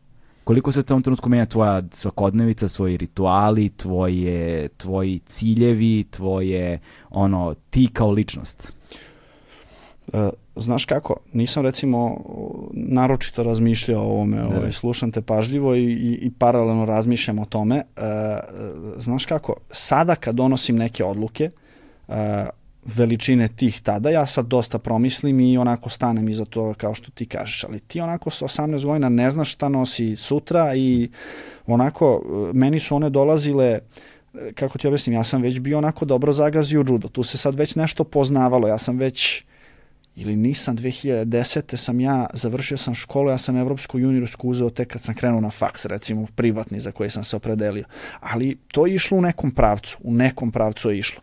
I ovaj, iskreno ti kažem, moji roditelji su svašta nešto u životu uh, i najvećim delom ne svojom krivicom uslovno rečeno promašili od toga da mi on otac za uh, pare koje je zaradio napravi kuću u Bosni i stavi na staru deviznu štednju, kuća izgori staru deviznu štednju zarobi. Znači, naj one ispravnije odluke ti neke koje doneseš, da, da. ono, života i šamara, ali i to i oni, mislim, to su njihove reči da im je Bog vratio ono, uh, kako su im uslovno rečeno deca ispala, kako su im deca ispala, ima i mlađu sestru koja je mm. ono zaposlena kroz projekat 50 najboljih studenta medicine, ovaj, kako su im deca ispala, to su oni. Ne, ne. I meni su oni na jako specifičan način gradili samopouzdanje i ja sad u ovom momentu kad vratim vreme, ja sam mislio to ja sam sve, ja sam faca, ja to gleda kako peglam, ja to sve peglam, a iz ove perspektive gledano shvatam da su jako oni to lepo kontrolisali, a meni davali zapravo mogućnost izbora. Sad naravno ja kao, kao ti kad si učenik generacije sad ne sumnjaju mnogo roditelji negde u tvoje izbore i lakše im je da te podrže nego kad si ono pajtos neki, ali opet ima sjaseti ljudi oko mene gde ja gledam da su, da su deci programirane budućnosti kogo da su one dobre od strane roditelja i stvarno se ježim kad to vidim. Sam, ću ti samo rečenicu, znači kad sam fakul, srednju školu upisivao, upisao sam rate zbog devojčica, drugu ekonomsku. Znači ja sam malo imao onako naklonosti prema matematici, hteo sam Nikola Tesla, ovo ono šta kako deću tamo, ono se bijem sa, sa šta idemo da radimo u slobodno vreme, sad bijemo kad nema, razumeš, devojak. Ja. I ta neka ekipica mi upisila drugu ekonomsku, ja to tad upišem drugu ekonomsku. A pitam roditelje, pitam tatu mog, Eko, tata, šta misliš? Više ga pitam kurtoazno. A on meni kaže, Aco, kaže, već si pametniji i školovaniji od mene, kaže, šta god odlučiš, mi ćemo te podržati. Da, da, da. E sad to, naravno da nisam bio, ne da nisam bio pametniji, nisam danas pametniji od njega, ali ovaj, to je na tako specifičan način meni gradilo mm. samopouzdanje da sam ja to toga tek sada svestan. Ja, sad, I, posledno sad kad si ti postao otac umeđu vremenu da, i, da, i verovatno da. imaš taj moment ogledala da ali posmatraš. ja sam postao otac, ali opet ja sam i dugo u tom sportu gde kreću deca da treniraju rano, kreću kao deca i s dosta roditelja se susrećem i imam dosta kontakata i sa različitim načinima roditeljstava i krajnosti u smislu doveo sam malo ću bude šampion, on ono dete bre ne interesuje ga to, do toga da e vidi, dete čigra, a on mi kaže, e ne mislim ja budu neki šampion, šta ti misliš bre, koje još misliš, šta su mi moji roditelji mislili, da su misli nešto, verovatno ništa od toga ne bi bilo. Da. Tako da dosta onako mogu da sagledam druga dešavanja i da zbog toga cenim i uvažavam to što su moji roditelji uspeli da izvedu. E sad, roditeljstvo je stvarno, ti si isto roditelj, to je specifična kategorija gde šta god da uradiš i po kojim god knjigama da to najbolje na svetu, to možda ispadne loše. Da, znači, to je, vrate, situacija da. gde da. radiš najbolje što umeš po svom osjećaju i moliš se samo da ne zajebeš nešto, razumeš? Da. Zato što samo zajebeš, samo se nešto desi da, znači, nema pravila i nije prirodna nauka, ovo plus ovo, minus ovo i onda će tu da se desi neka reakcija. Tako da, ovaj, opet da se vratim na tvoje pitanje, ne. znači, moje odluke nisam ih doživljavao to, toliko teško u tom momentu i donosio sam ih sa puno samopouzdanja. Znam šta radim.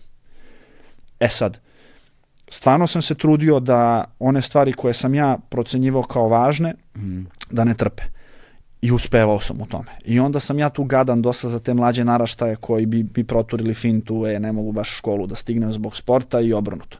Jer sam ja u tom mom, moje vreme bio najbolji u jednom i u drugom. Mm. Meni škola dobro išla i stvarno mi je malo trebalo i nisam ja bio, nisam ja učio i predmete koje, koji su me manje interesovali nego ih malo na neki seljački šarm, razumeš, ono polo, položiš nešto i prepiš, razumeš, ali ali može jedno i drugo i ne smeš da dozvoliš ono, dva, ono 21. vek pričali smo malo i o tome e, ja imam viđenje da je borilački sport e, e, podmoranje a brate edukacija ne da je podmoranje nego o tome nema ni da pričam razumeš da, da. da ti sad ja sam imao opet neke specifične ja sam ceo život imao jako dobre odnose sa profesorima neverovatne odnose da. sa profesorima. Znači od osnovne škole da mi je sada direktorka škole moja i moja razredna koja se kao lavica borila da ja budem učenik generacije tada u osnovnoj do profesora, evo jutros mi je pustio poruku profesor uh, Žugić, Radojica, on je sad nastavnik fizičkog u penziji, sad zamisli kako sam ja odnos imao sa njima i sa tom ekipom kad sam ja imao razredni i bio nastavnik fizičkog, a ja jako perspektivan i u tom momentu najbolji sportista u školi sa najboljim ocenama. Da, ja da, sam ono bio kao beli med. Pritom to je bilo ozbiljno zezanje sa njima, razumeš, ono Da. ozbiljno zezanje na svim mogućim nivoima. Tako je bilo onda i na fakultetu. I stvarno sam imao, ja sam primljen na jedan privatni fakultet, ajde da ne reklamiramo sada to, ovaj, išao sam sa idejom da, pričao sam pre toga na državnim fakultetima, konkretno na ekonomiji, gde pričam sa kol budućim kolegama u tom momentu mi kažu, vidi Jaco, super je to, ali vidi njih ne interesuje i neće ih interesovati šta si ti, da li si ti, da li ti je neko, bože me prosti, umro, ili ti bio na takmičenju, ti nisi bio na vežbama, ako nisi na vežbama, nemaš na kolokviju, nisi na kolokviju, nemaš na ispit. Da. Ovaj, e, a ovamo je bila neka jako, jako dobra ekipa profesora, koji su svi sa ekonomskog fakulteta, među njima predvodnik je bio pokojni profesor Pelević, koji ja sam, kad sam išao da se upoznam sa ovaj programom fakulteta, a, moja priča je bila da ne znam da li ću imati love da platim fakultet, u, stva, u stvari imao sam dogovor da će taj fakultet da mi pokrije klub ako Aha, se odlučim da, za da, njega, ali je meni je to bilo, da, ali je meni to bilo ono pribežište da im ne kažem preglupam je program, razumeš, ono, nego da. nemam love. I sad meni se svidi program i prezentovao mi ga jedan drugi profesor s kojim sam, bukvalno smo se skoro i videli po nekim novim projektima po pitanju toga i njemu sam bio kratko i saradnik u nastavi. Ovaj, on mi prezentuje program i meni se program svidi, a paralelno sa tim profesor Pelević saznaje, koga je do tog momenta nisam ni video, saznaje da postoji neki momak koji uči generaciju druge ekonomske i koji bi to nešto tu možda upisao, ali zbog financija nije siguran. I polo mi se čovjek da ja upišem to, da mi, da, da, Da, ne, da. sad zamisli ti si radnik na nekom fakultetu i zoveš tamo rektore, vlasnike, kako god, da ima neko student koji ti hoćeš da on ne plaća. Jer možda neće imati, možda će imati, razumeš? Da, da. I brate, ja kad to upisak, znaš kakva bi mene sramota bila da sam imao. Ja sam upisao nek to budu šestice. Sed, samo da je u roku dokazao sam se već, već si pokazao si faca kao skre, osnovna srednja, sad ovo samo mi se klacka da ne trpi judo. I brate, to mi priredi, taj čovek nije više među živima, ali na tome sam mu, e, on je možda i najzaslužniji za moje zalaganje na fakultetu. Znači ja bod nisam izgubio kod njega. A mislim, verovatno malo stariji, bio i dekan na ekonomskom fakultetu, verovatno malo stariji e, od mene, koji su završili taj fakultet znaju ga i znaju kakav je onako prosvetar pravi je bio čovek za to. I kod tih ostalih par ozbiljnih profesora stvarno sam dao sve od sebe da se pokažem u pravom svetlu, a inicijalna kapisla svega toga je bio jedan gest čoveka koji se založi, mi se nismo poznavali.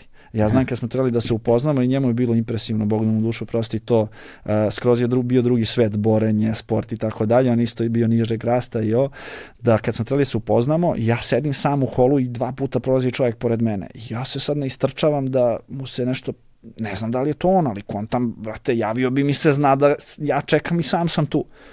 I u nekom momentu da me pozove, meni zvoni on telefon, rekao, e, i on kao uđe Aleksandra i kao, moram priznati kao da ne izgledaš kao učenje generacije, znaš, ono, to mu je neka bila fora. Ja bio štrkljiv, radio do 81 kg, ali isti mi je vrat ovoliki bio. Da, da, da. Znači, malo pljasnatija glava i vrat, ono, i ajde, dole sam bio štrkljav, ali visoki ovo. Tako da i to je i njemu bilo intrigantno i stvarno, taj ceo moj put bi bio mnogo teži da nisam imao razumevanja profesora, profesora Da. za moje ambicije koje su bile potpuno suprotno od nauke. Stvarno sam davao sve od sebe u saradnji sa njima, ali imaš ti, brate, zaguljenih ljudi, razumeš, ono, zadrt, pogod, znači, jel radiš nešto, a, a hoćeš kod mene? Pa ne može, druže, pa ne može to tako. Znači, hoćeš tamo, idi tamo, brate. Znaš, Da. ajde, E, izađi. pazi, judo je dugo, jel te, olimpijski sport i da nije olimpijski sport, verovatno kao borilački sport ne znam koliko bi opstao na ovim prostorima Ne bi nigde. zato što zato što spada u kategoriju nacionalnog sporta ono ima subvencionisanje od strane države na Da. mnogo načina i ovaj i spada u jedno od ona tri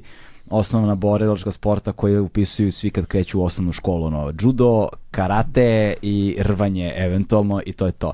Ali mi nismo bili poznati kao ono rvačka judo nacija u suštini. I ovaj, sada kako se stvari menjaju i sa savremenim dobom i tehnologijama i znanjem i dostupnošću i uspesima poput tvojih ovaj, se stvari polako menjaju. Ali u vreme kada si ti napredovao, postojale su velike judo nacije, ovaj, postoje i danas te iste judo nacije od Japana do Gruzije, jel te? Ovaj, Francuzi sad imaju ozbiljne judiste i ne znam, znaš, ima ih ono, odgleda malo, po ne, s vremena na vreme, a uglavnom pra- ispratim judo kad su olimpijske igre, tako to, znaš, nije, nije baš da sad kao sedim pratim judo, Da. znaš.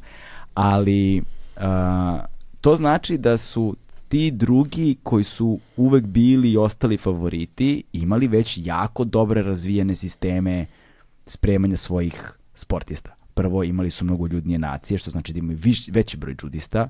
Drugo, imaju planove ishrane, a, bazične snage. A, utabane staze. Utabane staze, da, utabane staze gde tebe kao jednog talentovanog mladog a, čekaju te svi ti sistemi postavljeni na mesto, uhodani, razrađeni, da, da, da ih samo pokupiš ti ovde nisi bio u takvim uslovima. Ti dugo nisi imao, ne znam da, da li imaš sad trenera? Imam. Sad imaš, ali ti si, du, ti si dugo išao i bez trenera lutao na okolo. Jesam, pa i kad sam imao trenera sam sam morao da kopam i po mojim standardima da, da. ustanovljavam da. ko je trener e, i da, a kad, si, a kad si klinac u tom periodu, a, kako su izgledale zapravo tvoje pripreme? Na koji način si ti uspevao takav i u tim uslovima, u takvoj zemlji da budeš konkurentan? Kako je to izgledalo? Pa nisam bio naročito konkurentan. Ja praktično prve zapažene na, međunarodnom, na međunarodnoj sceni rezultate sam napravio kao junior. Ovaj, kao posljednja godina juniora i tad sam osvojio dve evropske medalje za juniora i za mlađe senior. To je tad bila senzacija. Ovaj, e, Koliko je bila senzacija? Kako se ljudi Pa ne, ja sam imao 19 godina i mi nemamo 20 godina evropsku juniorsku medalju, a ja te godine sa 19 godina osvojim juniorsku medalju, onda i na seniorskom prvenstvu do 23 godina osvojim medalju. Znači, da. gde su još 3 godine stari. Bio sam drugi u Evropi za juniora i treći za mlađe senior. Ovaj, e, znaš kako, ja sad imam, opet se vraćamo na ono da za sve, i tad su bile postavljene neke stvari kako treba, mm. ali je trebalo tu mnogo dotezanja i trebalo je mnogo vremena da krenu da rade. E, ta, mislim, ne možeš ti da se baviš... Uh, uh, ishranom, a brate, nemaš trening kako treba, nemaš ideju kako treba, nemaš trenera kako treba. Znaš, treba sazreti malo po malo, zidati to da ti dođeš do, do bavljenja sistemom na neki pravi način. A država kao država i judo u jednoj državi kao sport ili bilo koji sport ne može bez nekog dobrog sistema da funkcioniše, naročito ne u dugom roku, jer onda je to, imao si dobru generaciju, već sledeća nevalja i tako dalje. I to se stalno nadgrađuje. Mnogo je drugačije, recimo danas sutra ako ja ostanem u trenerskom poslu, ti imaš nekog šampiona Evrope u vrsti ispred tih klinaca koji treba im kaže, ljudi, može da se osvoje evropska zlatna medalja. A drugačije kad to meni kaže moja mama koja mi je to pričala jer nisam verovao jer da. ne može da zna, razumeš, ono, a isto mi je da. želela dobro i ispade da je bilo u pravu, razumeš. Da.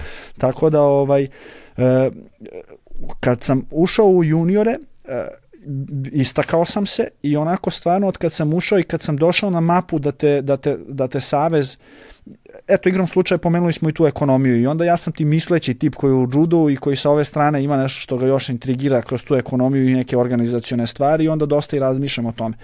E, dva neka sistema i samo da napravimo malu digresiju možeš možda da napraviš gradeći neki sistem u sportu. Jedan ti je hipotetički možda francuski u kome kad država prepozna kao perspektivnog, pre nego što ti napraviš bilo kakav rezultat, ona te prepoznaje, kreće da ulaže u tebe, imaš utabanu stazu, ideš kod ovoga, ideš na...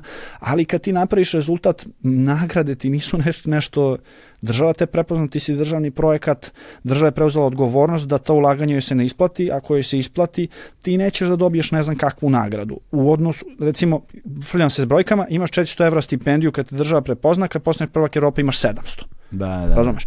A kod nas je sistem i u mnogim drugim zemljama da je to pušt, prepušteno klubovima i da klubovi gaje te talent i tako dalje i da ti imaš podršku onog momenta kad napraviš rezultat, ali kad napraviš rezultat ta podrška je mnogo ostruko veća. Da, Znaš, da, da. ono, od olimpijski komitet, savez, ovaj, onaj, pa sportske jedinice, ja sam sad u sportskoj jedinici vojske i tako dalje.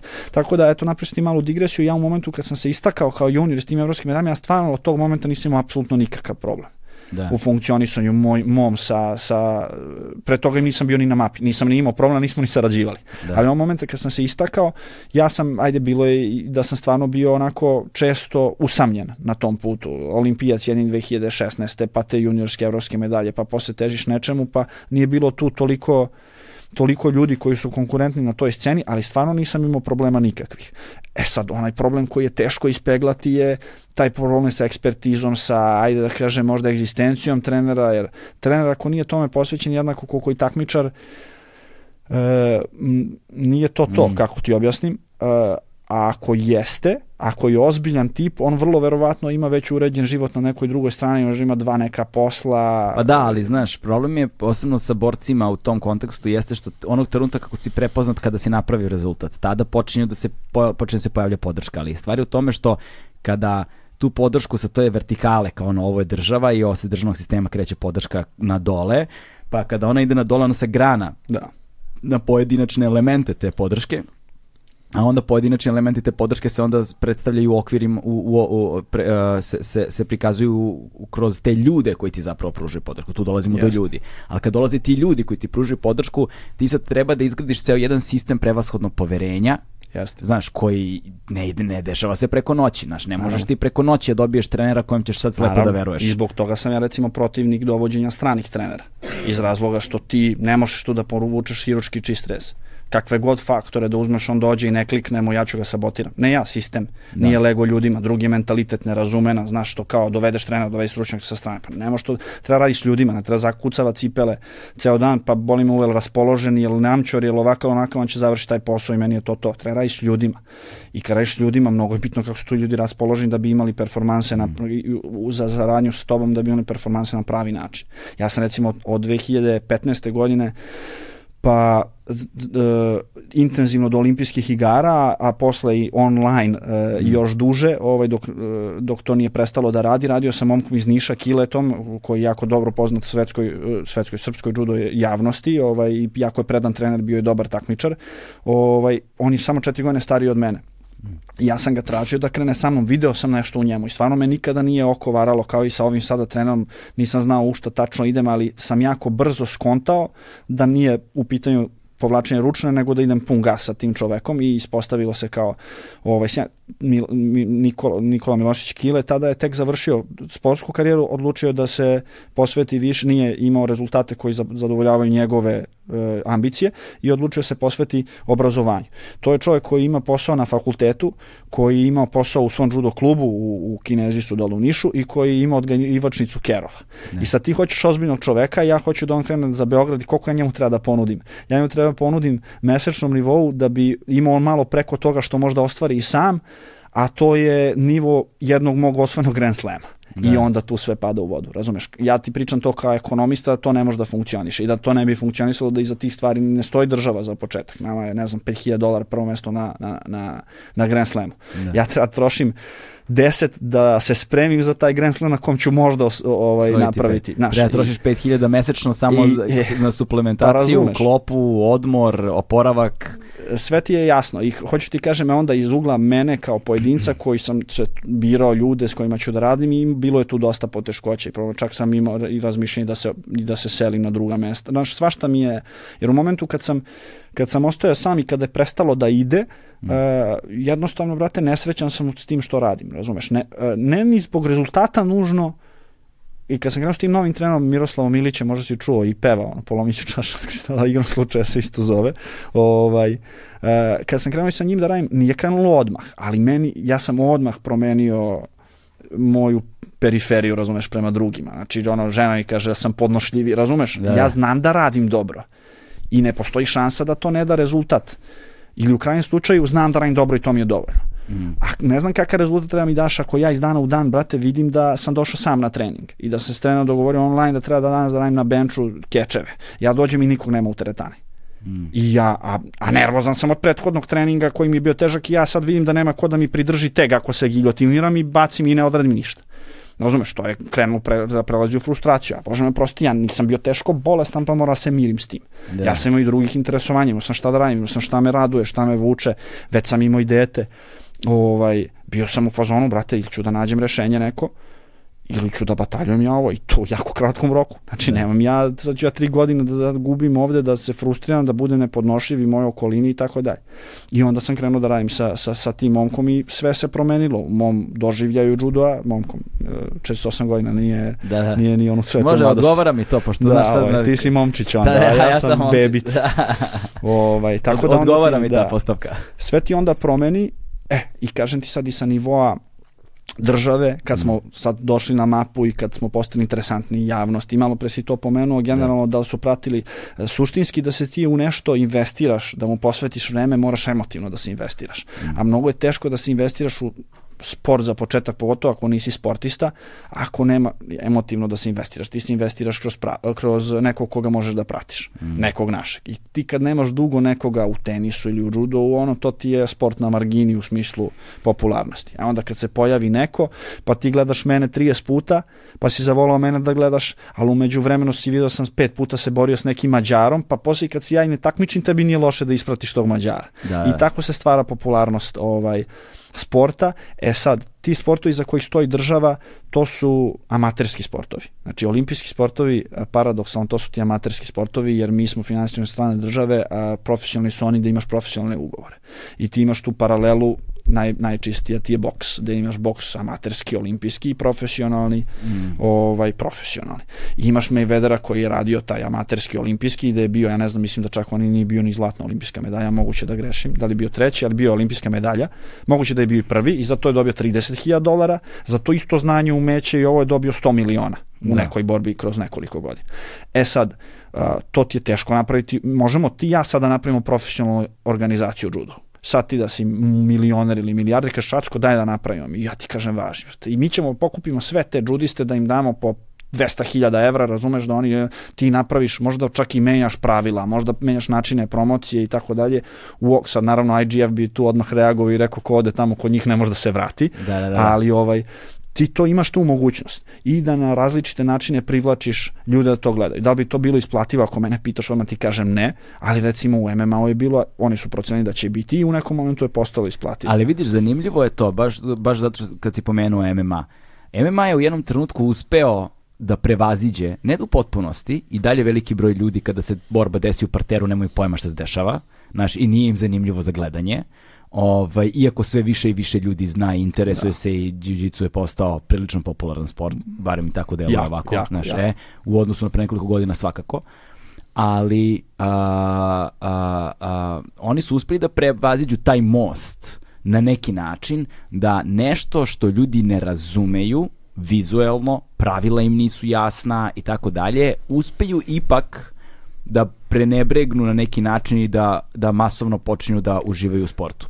Znaš, u judu, ljudi, judo je recimo sport za koji znaju svi, za koji je ogromna većina klinaca trenirala u jednom trenutku svog života, barem ono prvim razdelom I oni su stvarno ljubitelji, ali oni koji da. se nisu dotakli, oni jedno znaju za judo i to je to. Da, ne, znaju za judo da. i to je to, ali ja ne znam, ne, ne mogu ti nabrojiti na prste jedne šake ljude koji znaju pravila judoa. Da. A, sad ću ti opet, to je možda i odlična uvertira za, za, za ovu temu generalno. E. A, država kad te finansira, nju ne interesuje profit od toga, ona profitira na druge načine. Ona te finansira, finansira neki sport kao nešto što će dugoročno državi donese ogromne koristi u smislu zdravlja mladih, pa onda država ju štedi kroz zdravstvo, kroz pravosuđe, zatvore, manje kriminala i tako dalje i tako dalje.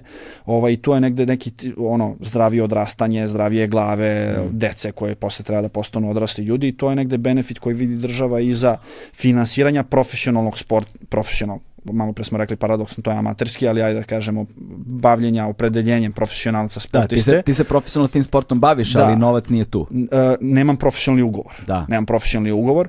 Ovaj, I tu država vidi znači, da kroz vrhunske sportiste, da ta, tako nazovem, kroz e, finansiranje i podržavanje, i to nije naša država, to sve države sveta rade, ovaj, kroz podržavanje takvih sportova, e, da podižu svest ljudi o svemu tome što smo sada nabrali. Tu država dugoročno jako profitira. E sad, baš iz tog razloga što država to finansira i što želi da profitira u smislu edukacije mladih, ona jako kontroliše načine na koje se to promoviše. I država neće dozvoliti e, ili Svetska judo federacija kao takva koja zavisi od svojih članica i tako dalje, da se ti, da ti judo promovišeš kako god hoćeš po cenu bilo kakve popularnosti.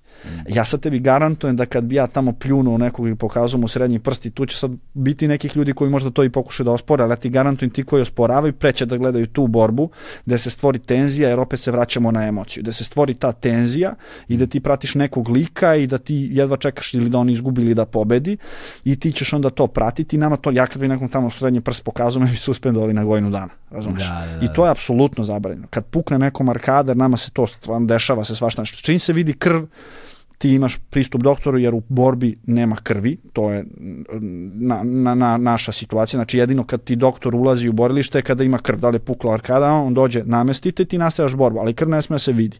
Dok ovamo u MMA, koji je privatna organizacija i kao takva nema mnogo regulative, jer radi promoviše šta misliš da treba, oni su zaključili šta ljude rade. Da, da, da. Ljude radi krv, povrede, nokauti, uh, ono, nokauti, da, ali uh, ne bi postale te pres konferencije, ti imaš 10 pres konferencije za jednu borbu. da. Da, da. Znači, radi ta drama, Hype, da. hype, oni to hajpuju i hajpuju na pa su shvatili da oni tebe prezentuju kao super lepog, dobrog, ovo super čoveka, Imaš karaktere džubre, koje- smrad, ovakav, onakav, brate, Da. pa ovaj proda pay-per-view pet puta više, pa onda oni malo više favorizuju McGregora koji će da ih ljušti sve nego ovo koji je, brate, bolji sportista od njega, Kabiba koji je bolji Da. sportista od Pa zato je taj sukob Ka, Kabiba i, i, i McGregora bio tako veliki, zato što su bila dva pola zapravo. Ali Khabib je imao 400.000 pratilaca na Instagramu pre nego što je McGregor došao, u- došao u borbu sa McGregorom. Da. A sad ima 30 miliona. Jasno. Hoću ti kažem, on je došao u situaciju da se ukalja, da Njemu našao je, da bio, se njemu, je, njemu je bio potreban jedan McGregor Njemu da bi on bio, a. McGregoru nije potreban niko. Znači Da. on je sam, i onda ti je jasno šta je potrebno da bi se desila borba. Treba Da. ti neko ko će da stvori dramu i ko će da, a ovi lisice, razumeš. Mislim, igrom slučaja, sad mi pričamo o MMA koji je preskočio malo i boks i ovo i ono, da iza tog MMA nije stajao jedan Dana, vrlo teško da bi do, i ta braća Fertite, vrlo teško da bi došao ovaj MMA na tu poziciju, jer mnogo i do ljudi. Ali oni su ti lisice i preprigani u svom poslu, oni mnogo ranije vide neko ko im je potencijal za marketing nego što nama ga uopšte stave na mapu, znaju šta ljudi vole, šta gledaju, pa kad tamo prsne arkada, on je zoomira u, ono, u, u kost na, na, na Da. arkadi da, da je ti tu vidiš, pa ono, krv, suze, znoj i sve se to. da. Apsolutno nema limita u toj promociji i zbog toga se to... Još veći paradoks je rvanje. Znaš šta je profesionalno rvanje? Kečeri. Da, da, da. Znači, jest, da, kečeri su profesionalni rvanje, ovo je amatersko rvanje. Da. Hoću ti kažem, oni nemaju limita u promociji, oni prave cirkus i oni svi tamo imaju be, bez par miliona, niko nema ugovor. Domaći brend garderobe Legend Worldwide je prijatelj Agelast podcasta na audio platformama. Da. Cirkus prave. Jer prave, jer traže šta Bio je... je, jao, kako se zovete, bio je jedan naš lik koji je trebalo da postane catcher. Rade Petković. Tako je, bravo, bravo, bravo, Su dobri bravo. drugari. Da, da. On je bre životinja lik je. Jeste, 2-0, 2-3 i ono 130-40 kila i ja sam se intenzivno družio sa njim. Recimo i on je možda i onako jedan od, uh, jedan, jedan, ajde ne od značajnih, ali svakako jedna le- lepa figura u mom životu, jer on je pet godina stariji od mene i ja kad sam imao 17-18 godina nisam imao te primere koje smo pominjali u judo, ali on je bio to u rvanju. Da. On je imao 23, 2010. ili 11. ili možda čak i 12. ali tu negde je uzeo već evropsku medalju u Baku I to je momak koji je vozio dobra kola, dobro izgledao, bio visok, bio pojava. Ono, kad se pojavi, brate, vidiš da on tebe ni ne primeti, razumeš, on je toliko ono sam sa sobom zadovoljan da to ono i to je mene toliko inspirisalo i to je bio neko recimo u koga sam ja mogao da gledam i da kažem to je, sad on Da. je alatom koji se zove rvanje to postigo, ja sam A to on je, on je, on je, koliko se ja sećam, u jednom trenutku imao neki dogovor sa WWE ili nešto Jest. tako. Išao je u Los Angeles tipa da, Da. mu izmisle lika, karaktera. se bavio. trebalo je da bude neki lik, trebalo da bude neki karakter, da postane catcher. Znam da su mi pričali drugari koji su trenirali sa njime nešto. Jest. Nisam, ja, ne sećam se da, nisam ja njega lično upoznao nikada, samo sam tako iz priče sa strane čuo i vidio sam ga i znam da je lik izgledao impresivno, da je baš bio ono kad ga vidiš, Da. u fazonu si izgleda kao, znaš, teško da smo, ne, ja ne, ne razumijem kako smo on i ja ista vrsta ljudskog Da. bića, znaš, kao potpuno, Jest. ne, nemamo Ja puno sam- dodirnih tačaka. Ja sam tad dosta vremena provodio s njim i, i ono, odemo na bazen posle nekog treninga, tad nam je isti kondicioni trener bio, ovaj, i odemo na bazen posle treninga ja ono idem 10 metara iza njega, 15 i ono, gledam levo desno, znači ljudi se okreću za njim i muškarci i žene i babe i dede, znaš, ono, svi on, ono, jede sladoled i nosi u kesi 4 litra jogurta koja treba da popije ono posle treninga. Da. Ovaj pa je on posle evropske medalje imao je nek, nekih problema sa ovaj sportskim zakonom u, u smislu dopinga ili čega god, pa je i tad smo onako, tad je on krenuo da više živi u inostranstvu, otišao je u, ba, u Baku, trebao je se boriti za Azerbejdžan, pa su i tamo imali neke proceduralne probleme, uglavnom ni ne znam tačno detalje koji su sve tu dešavali.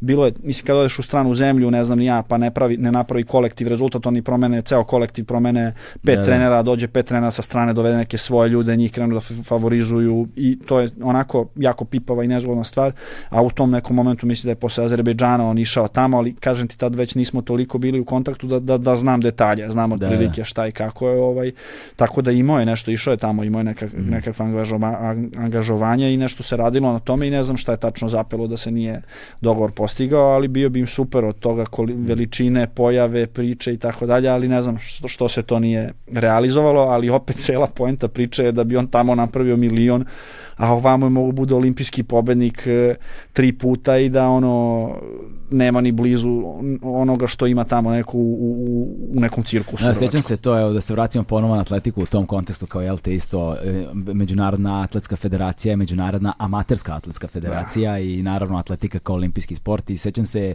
to je jedna od najpoznatijih stvari ono iz moje mladosti kada su te stvari u pitanju, a, znaš, svi naši poznati atletičari, a, ono od Olivera Jeftića, od Dragana Perića i Dragutina Topića i šta ti ja znam, pojave se u javnosti samo kada su olimpijske igre ili kada je neko, ono, Da. neko viđenje svetskog prvenstva, u to vreme se 90. godina pojavila i ta dijamantska liga čuvena, pa kao eto, kad bude ta dijamantska liga, svetsko prvenstvo ili olimpijske igre, tada ti čuješ za njih. Oni u javnom prostoru ne postoje pre toga i naravno svi političari su se okorišćavali od njih tako što kažu kao naši, obećavali su im stanove. To je bilo kao stanovi za naše olimpice, to i te nacionalne penzije, jebi, ja ne znam ni kolike su te nacionalne penzije, brate, nemam predstavu.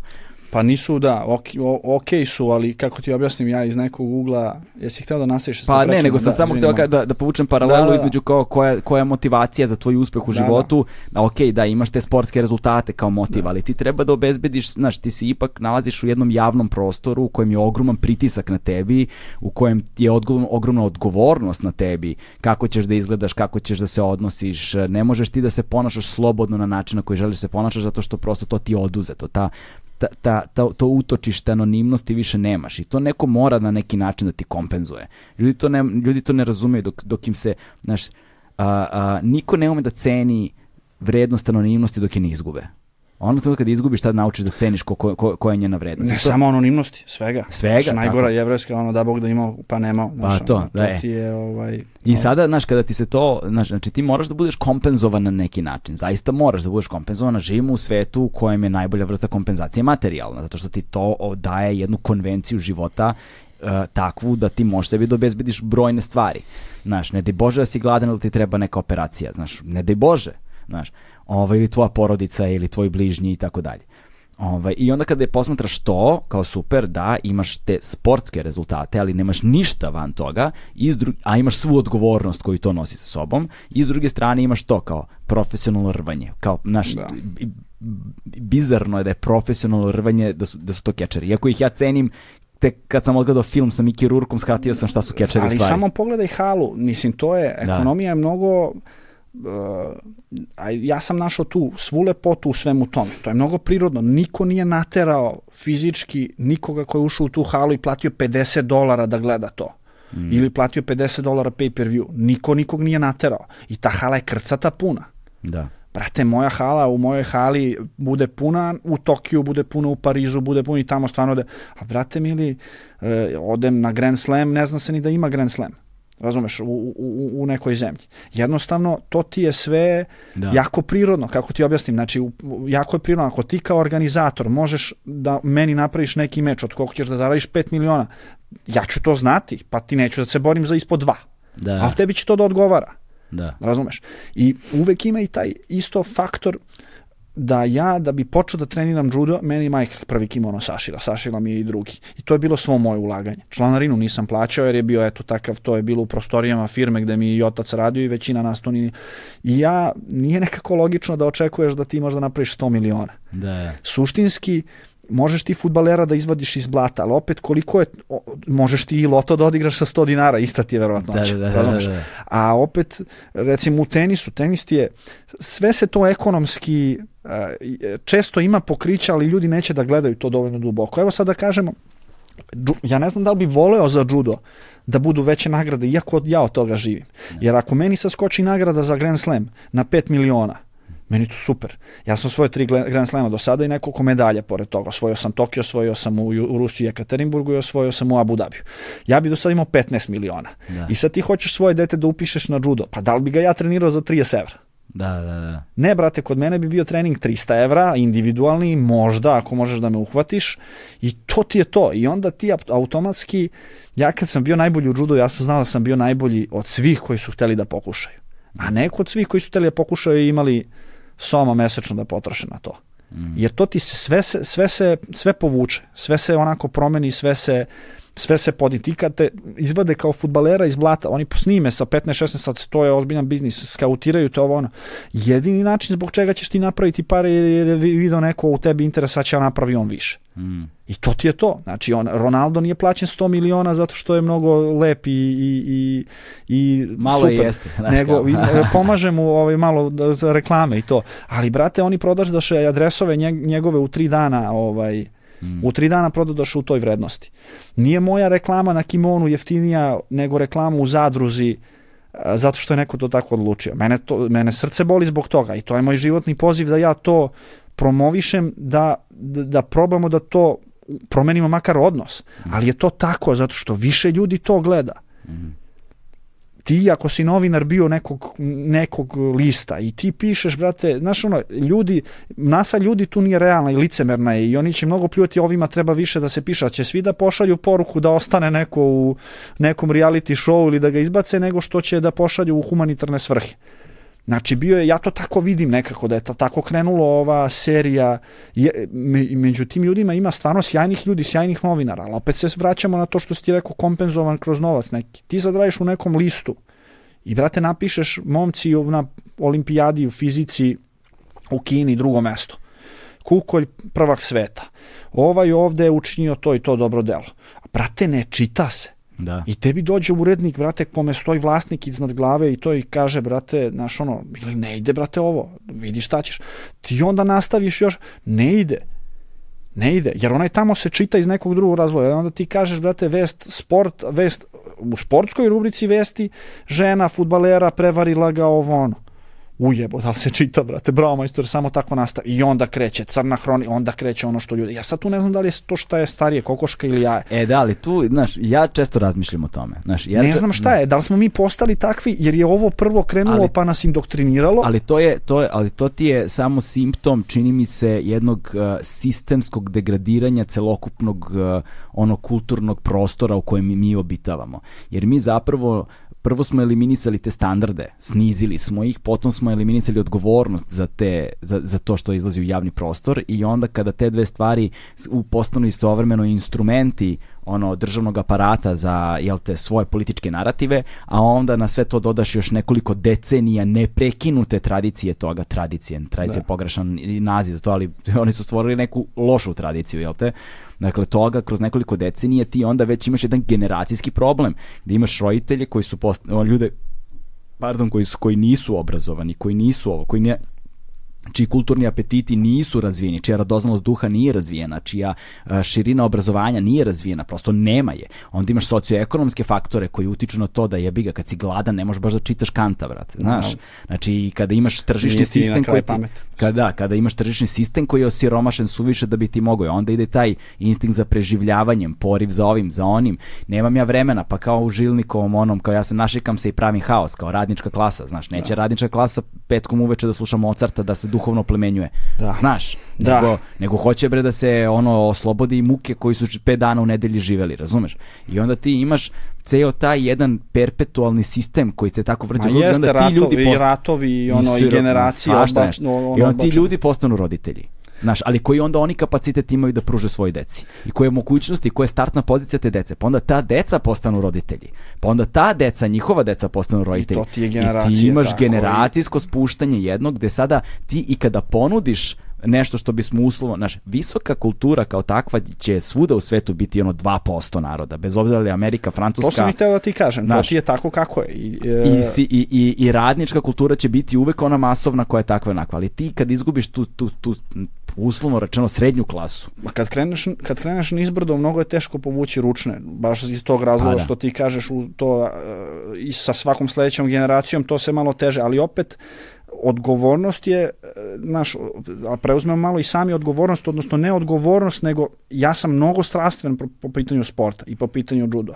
I verujem mi da bi mi možda i najlakše bilo da ja kad završim judo karijeru da ne pipnem judo. U smislu lakše, mm. emotivno, nerviranja, sekiracije, jer je to nešto što je meni bitno. Bavim se nekim poslom, ne sekiram se, iskreno ti kažem, za egzistenciju na, nakon juda tu onako, i, i to je nešto što me tu raduje. Brate, idem ono u šumu ovamo svoju da, da, da se kupu.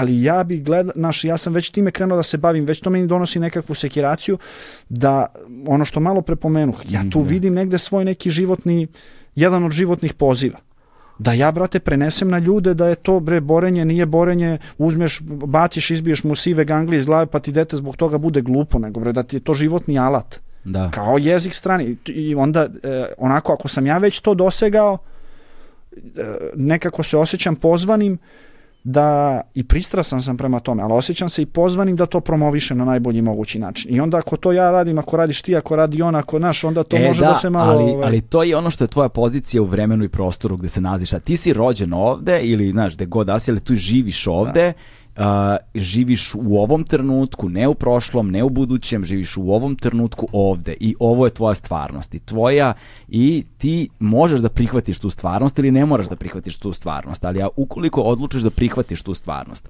ti onda imaš odgovornost da unutar te stvarnosti postupaš na određeni način. Nažalost, mi smo ljudi trenutka čija stvarnost zahteva žrtvu. Žrtvu. Znaš, i ta žrtva mora da bude kolektivna kroz generacijski sistem, zato što rešenja za to čemu ti pričaš postoje, a problem je u tome što ta rešenja ne traju jedan mandat. Znaš, pa- ne, ne, neće to rešenje kada se bude, kada, kada se implementira, ono će dati rezultate toliko kasno da. da oni koji su ih implementirali, njihova imena nikad neće biti upamćena. I ti moraš da se pomiriš sa time. Ti se od toga nećeš okoristiti. Znaš, to je ono što ja stalno ponavljam. Ti treba da zasadiš drvo u čijem hladu nećeš ti uživati. Da, da. E, a mi, a mi smo izgubili taj generacijski sistem razmišljanja. Znaš, taj generacijski sistem posmatranja stvari zato što samo raz, mi, mi zaboravili smo... Mi kako ne uživamo u tuđim hladovima. Pa ne uživamo da, u tuđim hladovima, ne uživamo ni u kakvom hladu, mi gledamo da imamo šta da jedemo do kraja da, da. nedelje. Znači, ako razmišljaš i, i ako ti je stvarnost, ako ti je obruč, stega, nužnosti takva i ako ti stalno živiš u tom stanju, znaš, ti nekako vremenom izgubiš odnos prema tome. Sada je pitanje, jeste, veliko je pitanje, nije ni jednostavno, ni, ni, ni malo, ni, ni, niti, niti ima ono 2 plus 2 jednako 4 u tom smislu. Znači, Naravno nećemo ga naći na taj način, ali ne, i, i to si u pravu i to je ono što smo govorili u, u, u borenju je to isto tako. Kada kreneš nizbrdo, kad primetiš... Inertno je, da inertno da, je. Ti Tek kada... kasnije vidiš rezultate toga i isto tako i kad kreneš uzbrdo. I u životu je, je tako, ti kad kreneš nizbrdo, kad primetiš da si krenuo nizbrdo, kasno je kad primetiš da. si krenuo nizbrdo kasno, ti onda moraš da uložiš mnogo više. Samo da se vratiš, da ga poravnaš. Ne da se vratiš, samo se zaustaviš. Da da, pa da, da poravnaš tu krivu, da ne ideš dalje. Da ne ideš dalje, znači ti si tu već potrošio 90% goriva. A da. onda gde ćeš da se vratiš da si bio, to je muka živa. Pa to je to, izvini, ali kao na primjer, ne znam, kao, kao ljudi kad se ugoje. Jeste, to ti je to. Znaš, na primjer, na, u trenutku kad si ti primetio da si se ugojio, brate, je trenutak kad ti... Ti si već, već šest meseci živeo kao, ti kao si... ne znam nija kako i ne možeš to kao, aj malo ću sad sredim i to ti je to. Ne. Treba ti godinu dan da se vratiš da bi bio.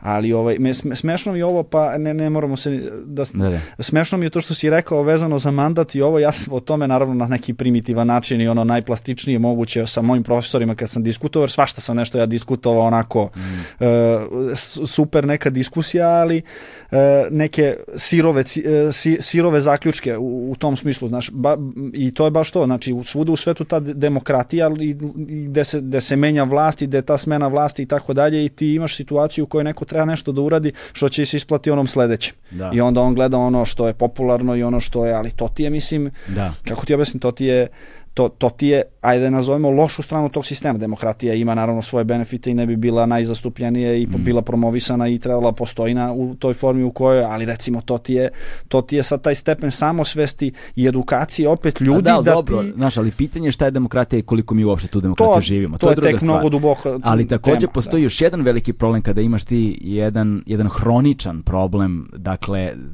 zapuštanja društva znaš, na svim nivoima, zdravstveno, obrazovno, socijalno, kao podrška, naš, mi ovde živimo duboko istraumatizovana nacija, bre, niko ne ide kod psihijatra, znaš, niko ne ide na terapije, nikakve da. podrške, niko, bre, ne da, ide, da, razumeš? ukorenjeno je, da, znači, ti, ima, ti, ti imaš ideš u generacijska, generacijske traume kroz ono ceo jedan narod i niko se ne leči niti ih prepoznaje na bilo koji način. Niti zna da postoji možda ovaj naš... Znaš to, e, i onda se postavlja pitanje ti kada probaš da ponudiš eventualno rešenje, najladiš na problem, hm, ima ono što ljudi žele, ima ono što ljudima treba i to nisu nužno dve iste stvari i ne znači da oni to umeju da prepoznaju.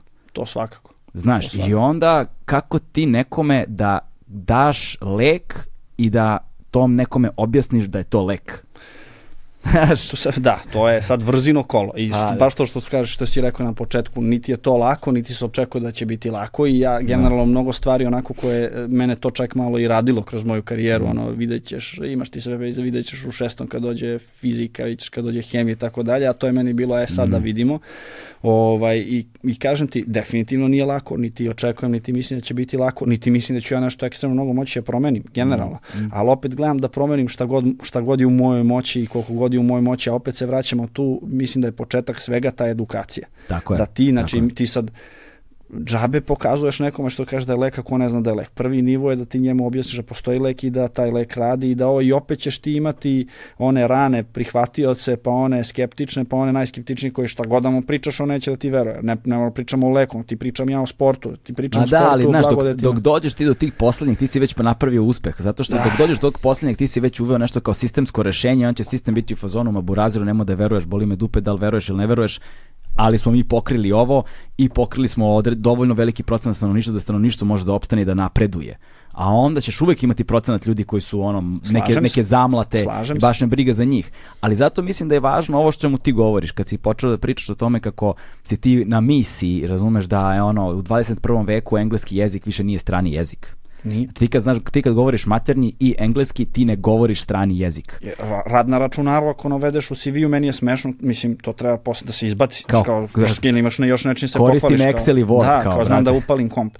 Znaš, to je, ali kako ti objasnim, to isto sad što ti meni pričaš da je Da. teško uraditi iz ugla judoa, ti to, ti to radiš i ekstremno ga jako i, i mnogo radiš u svojoj oblasti u kojoj si dominantan. To hoću ti kažem, a ti toga, sad dok meni ovo pričaš, ti možda toga nisi ni svestan. Ja to tako doživljavam.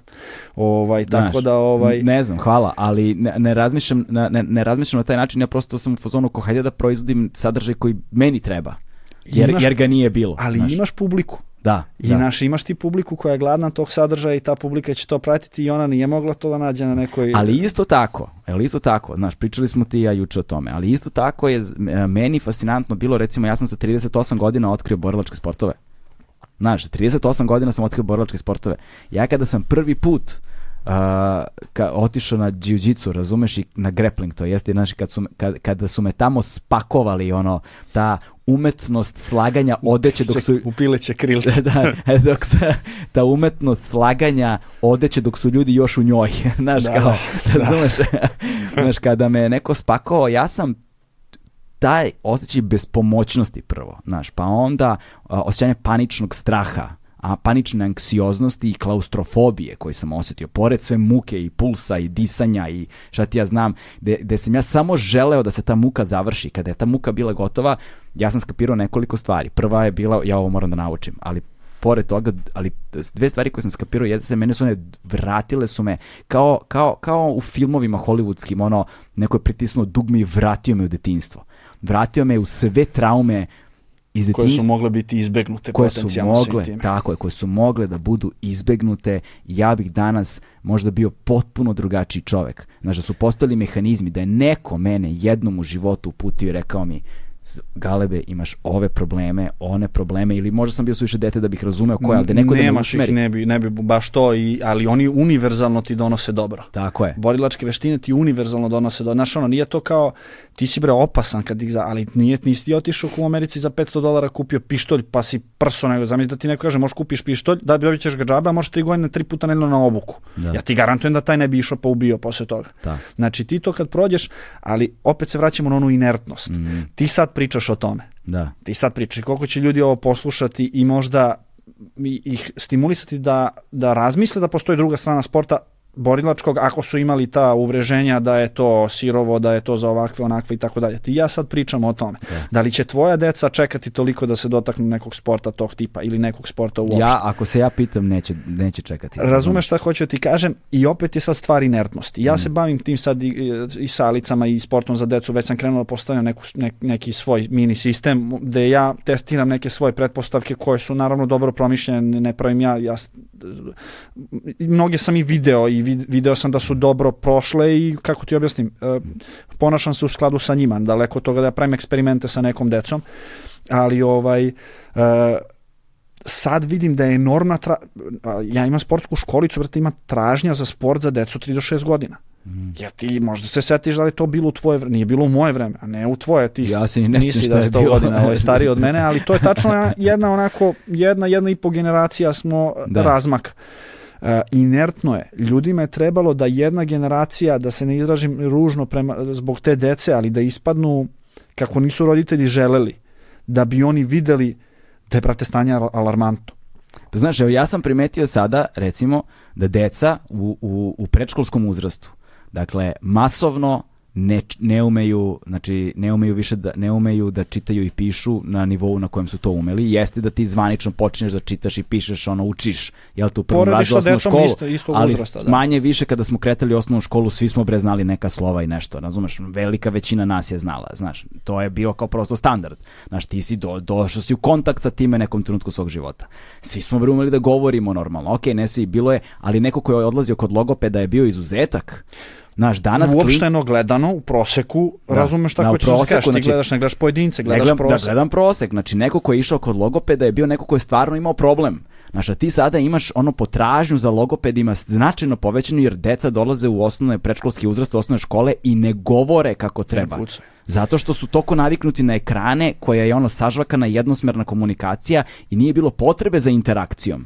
Znaš, ljudi prave decu da rešavaju, rešavaju muku sa decom tako što tako im uvaljuju tab, telefon, ta, da. telefon i tablet. Ja to izbegavam sa mojim decom, pre svega to mi je, tu mi je supruga, brate, da je Bog poživi što se kaže, znači, ne. znaš koliko puta bih ono u top stavio, ono, znači, i u top bih stavio, ne dao telefon, brate, da, da. ona to ne da i stvarno je predana to, ali opet ti kaže, i, i time sam ja potpuno podržao to sve i svestan sam, da. a hoću ti kažem, nisam ja najpametniji na svetu, pa sam ja sad tu ustanovio, pa ću to, nego, brate, srećom sam video par godina samo pre mene kad se to pojavilo da je ko je mogu od nas da zna jako mali broj ljudi da će do toga da dođe A, pre da. 15 godina. Ti si video samo lepe strane te tehnologije. Da. A onda kad kreneš kad te povuče iskušenje pa ovo pa ono i onda je to inertno. Znači kad ti vidiš kako ispadne nešto što nisi kontrolisao na pravi način i da to nije onako kako si ti želeo da ispadne ti tek onda uspeš da se baviš tom, mm. ali generacija ode u nekom pravcu u kome ti u Americi ti se smatra jedan čovek u 100 ili tako neki jako mali procenat borbeno gotovim, kad kažem borbeno gotovim ne mislim da treba da ide u rat, nego u smislu da je sposoban da se stara o sebi na muški način, ono pravi, između 17 i 60 godina. Ne znam, nija u Potkavkazu u Dagestanu ti je to 60 od 100. Da. Razumeš, znači, a to ti je opet druge mogućnosti, nije to sad, jeste i njihov mentalitet i sve to, ali taj mentalitet je potkovan nemanjem toliko ovoga i tako dalje i nekom tom kulturom i sve. Ja, ja isto kažem, ja prvi podržavam savremene tehnologije na svaki mogući način i verujem da su one radikalno promenile psihološku konstituciju čoveka i otvorila nam spektar mogućnosti kakav do pre 20 godina nismo mogli da zamislimo. Meni bi život bio 80%, meni otac radio breko vozač, ono napiše da. pismo, pa kad stigne ono po 5 dana, ja sad samo što ne mogu da dodirnem svoju decu čim su mogli da ja odem na pripreme, olakša mi 80%, a hoću ti kažem opet to ako pustiš da. bez ne može moje dete da nema telefon sa 14 godina jer sam ja da. mentol, ne može da ne zna da koristi ili šta je YouTube, meni tad ja zna da uzme da upali on svoj crtač, al zna kad sme i kad ne sme i zna da to nije da ne može ne može mi se zaplače kad mu ja kažem ne može pa ti razumeš da, da. mora da zna šta je kako ti objasnim sve opet se opet pa to ona... zato što nije ni jedno ni drugo krajnost nije rešenje zato što to dete opet treba da bude prihvaćeno u naravno, društvu naravno. treba da bude voljeno u društvu treba da razume društvo u kojem živi da razume duh vremena u kojem naravno. živi i to sve pretpostavlja ipak i da savladava naš je zadatak koliko god da je nezahvalna pozicija jer ne postoji generacijski isku, generacijsko iskustvo neko ko bi nam preneo, da napravimo balans koji je nemoguće u ovom trenutku napraviti između toga šta je dobro, šta nije i ja se 30, 300 puta dnevno pitam šta jeste, šta nije i I na kraju glav... moraš u skladu sa svojim osjećajem. Ne možeš u skladu s mojim, jer bi ti onda bio ja. Tako je. I onda, recimo ja, brate, povraća mi se kad ono čujem, čekam da napuni moje, neću utičem na moje, čekam napuni 18 godina, pa neko ono odluči. Pa šta, kako misliš nećeš da, da utičeš na dete, pa šta moraš 3 godine? To ne znači da. sedi, staviš dete, indoktrinacija, moraš to i to. Da. Ne, nego mu, brate, prenosiš neke vrednosti koje ti lično smatraš da su ispravne. Da, i tu se vraćamo opet na ono što si malo pre rekao.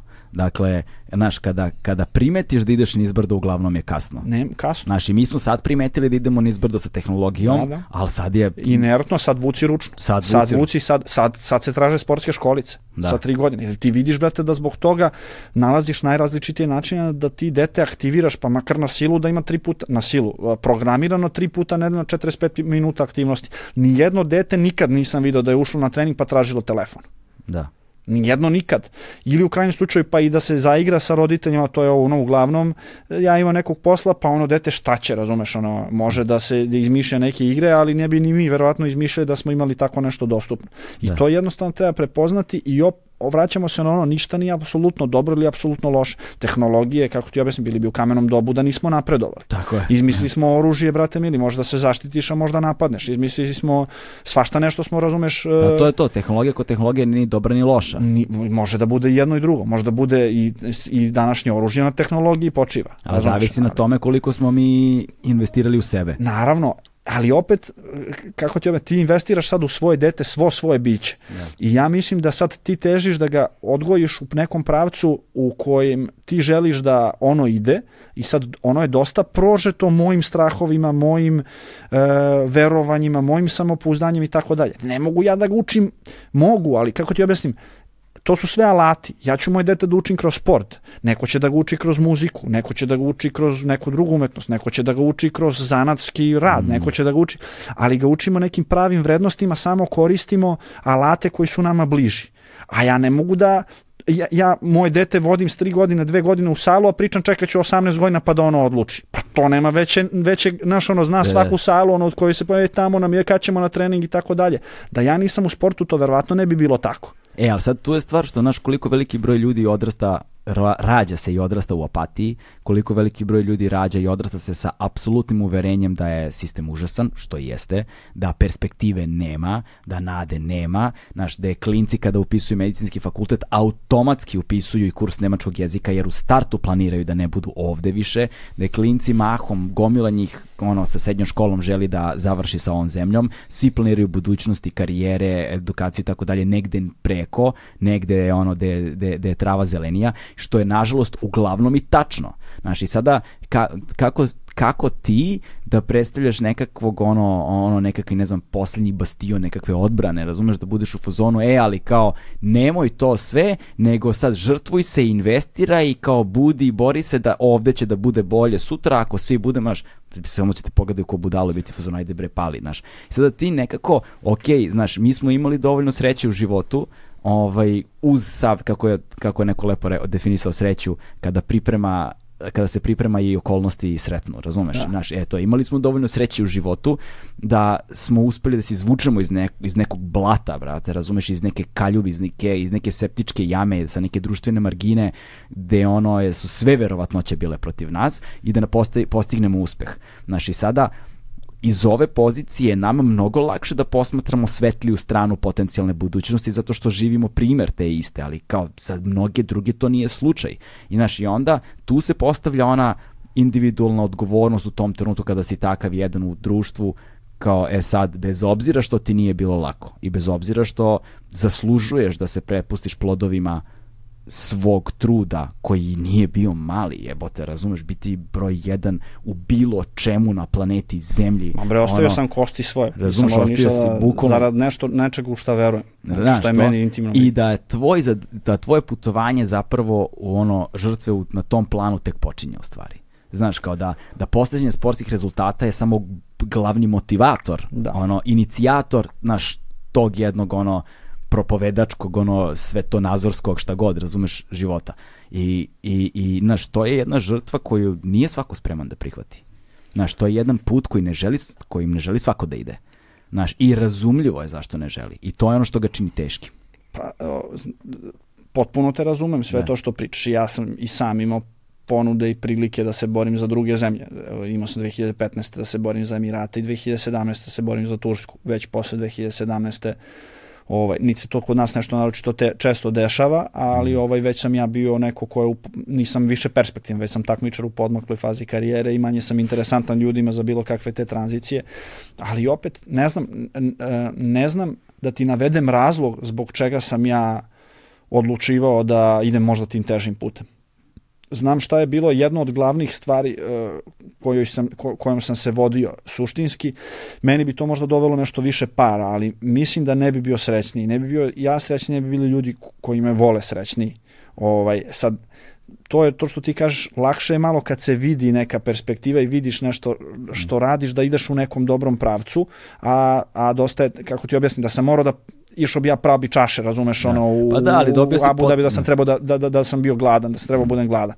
Ali ovaj, situaciju koju ja moju majku pitam, brate, ono, hoćeš da idem i vidiš me kad me vidiš i ja pošaljem toliko i toliko da ovo ili sam tu, jebi ga imamo šta imamo ovaj, i to je to da mi ona kaže vidi Aco mene ovo kako ti objasnim, ne, ne, ako ti želiš da ideš kao i za sve u životu su me ono podržavali maksimalno u smislu ako će tebi bude bolje nemoj da razmišljaš što nama, ako mene pitaš me boli uvoza, ono treba on, da, ako, ako je pitanje da ću da vidim tebe, koliko često da ću da vidim jednog dana unučiće i tako dalje i tako dalje. To je nešto što je mene vodilo, ali opet razumem e, to što ti pričaš, meni se videla neka perspektiva mm. Manje ili više dobra. Ja sam već bio takmičar onako na dosta dobrom putu. Već sam završio i fakultet, već sam onako e, generalno ajde e, možda će nam onda i priča i otići u tom pravcu šta ja mislim da je bitan preduslov da da napraviš nešto u životu, to je da moraš da se istakneš. Moraš da se istakneš na neki način. To ne znači da ideš da praviš budalu od sebe ili jer tako je najlakše istaći se, ali suštinski, znaš kad kažu imaš kontakte, ja imam odlične mislim da imam dobre kontakte, imam odlične kontakte. Uh, u smislu, došao sam u susret sa nekim ljudima mm. i ostavio sam utisak. To ne znači ja imam njegov broj telefona u imeniku, razumeš? Ili, ili ono, zna ga, zna za me, bolje da ne zna za mene. Razumeš? I onda u nekom momentu, te kažem ti, to ti je makar moj doživlje. Upoznao si Vuka, nisi upoznao ne, znači to su moji kumovi, ja sam jednom krstio dete, drugog sam, ovaj, drugog sam venčao. Moj kum Luka, moj drugar s kojim sam odrastao, Juričić, to, na, Juričić Stefan, koji drži, eh, je vlasnik ozbiljnog restorana, da ne nabrajam dalje, nisam ja išao i birao s kim ću da se družim, nego iz nekog razloga se pravila ta neka atmosfera, a ona se mahom četvoricu tih koji sam ti nabrojao sam i susreo na sportu. Svu da, četvoricu. Da. Mahom se pravila tu. Ste mi smo tu i onda dođe tvoje vreme Da. Ja ništa nisam znao šta će se dešava sa 23-4 godine. A, igrom slučaju, sport je takav da ti si tada već na pola puta neke profesionalne karijere s 23-4 godine u judovu. Da. 5, 6 ti u drugim poslovima u medicini si sa 50, razumeš? Mm. I ti si sad, ja sam sad tu već u nekom momentu zagazio i imao čega da živim i tako dalje. Ali nisam znao šta se dešava posle i kako se napravi nešto.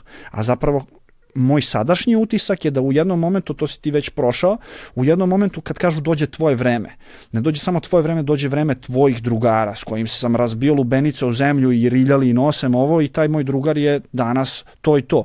I mi smo dobri i mi ćemo napraviti i posao, ne zato što samo što smo drugari, nego zato što on mene dobro zna i zna zašto sam sposoban. Znači malo stvar što kredibiliteta. Ja. Da. I onda kažem ti, meni su Vuk i Nemanja doktor. I sestra moja mlađa, razumeš ono koje sam do juče ribo glavu, brate, postade doktorka. Da. Razumeš, taj Stefan e, restoran, e, Luka, Luka evo sad se pridružio da, da, da se bavi edukacijom dece, dobio svoje dete, ono, ja sam toliko bio srećan kad me zvao i da mi kaže sad sam spreman da uđem, ono, da krene da, da, da i on trenira decu, jer ima dve sestre koje imaju svoju decu i sa tom decom i ono, poslednjih par godina mm. vidiš, brate, da je rođen da bude u kontaktu sa decom. Da. Razumeš? E, i to je neki moj doživljaj i to je neka svetla strana u kom pravcu bi se ja trudio da, ono, ja, se, ja sam se trudio da gledam, ja sam to gledao i tako sam radio. Da li je bilo problema, bilo je problema. Da li me tek čekaju, svakako da me čekaju. Ali, e, nekako je, e, nije ni, mislim činjenica da ti ja pričam o tome da ti radiš ovo što radiš, meni je jasno da si ti u velikoj meri to tako gledao i ti da. si verovatno imao raz, najrazličitije moguće alternative i ovakve i onako. Da, ali, kako, da.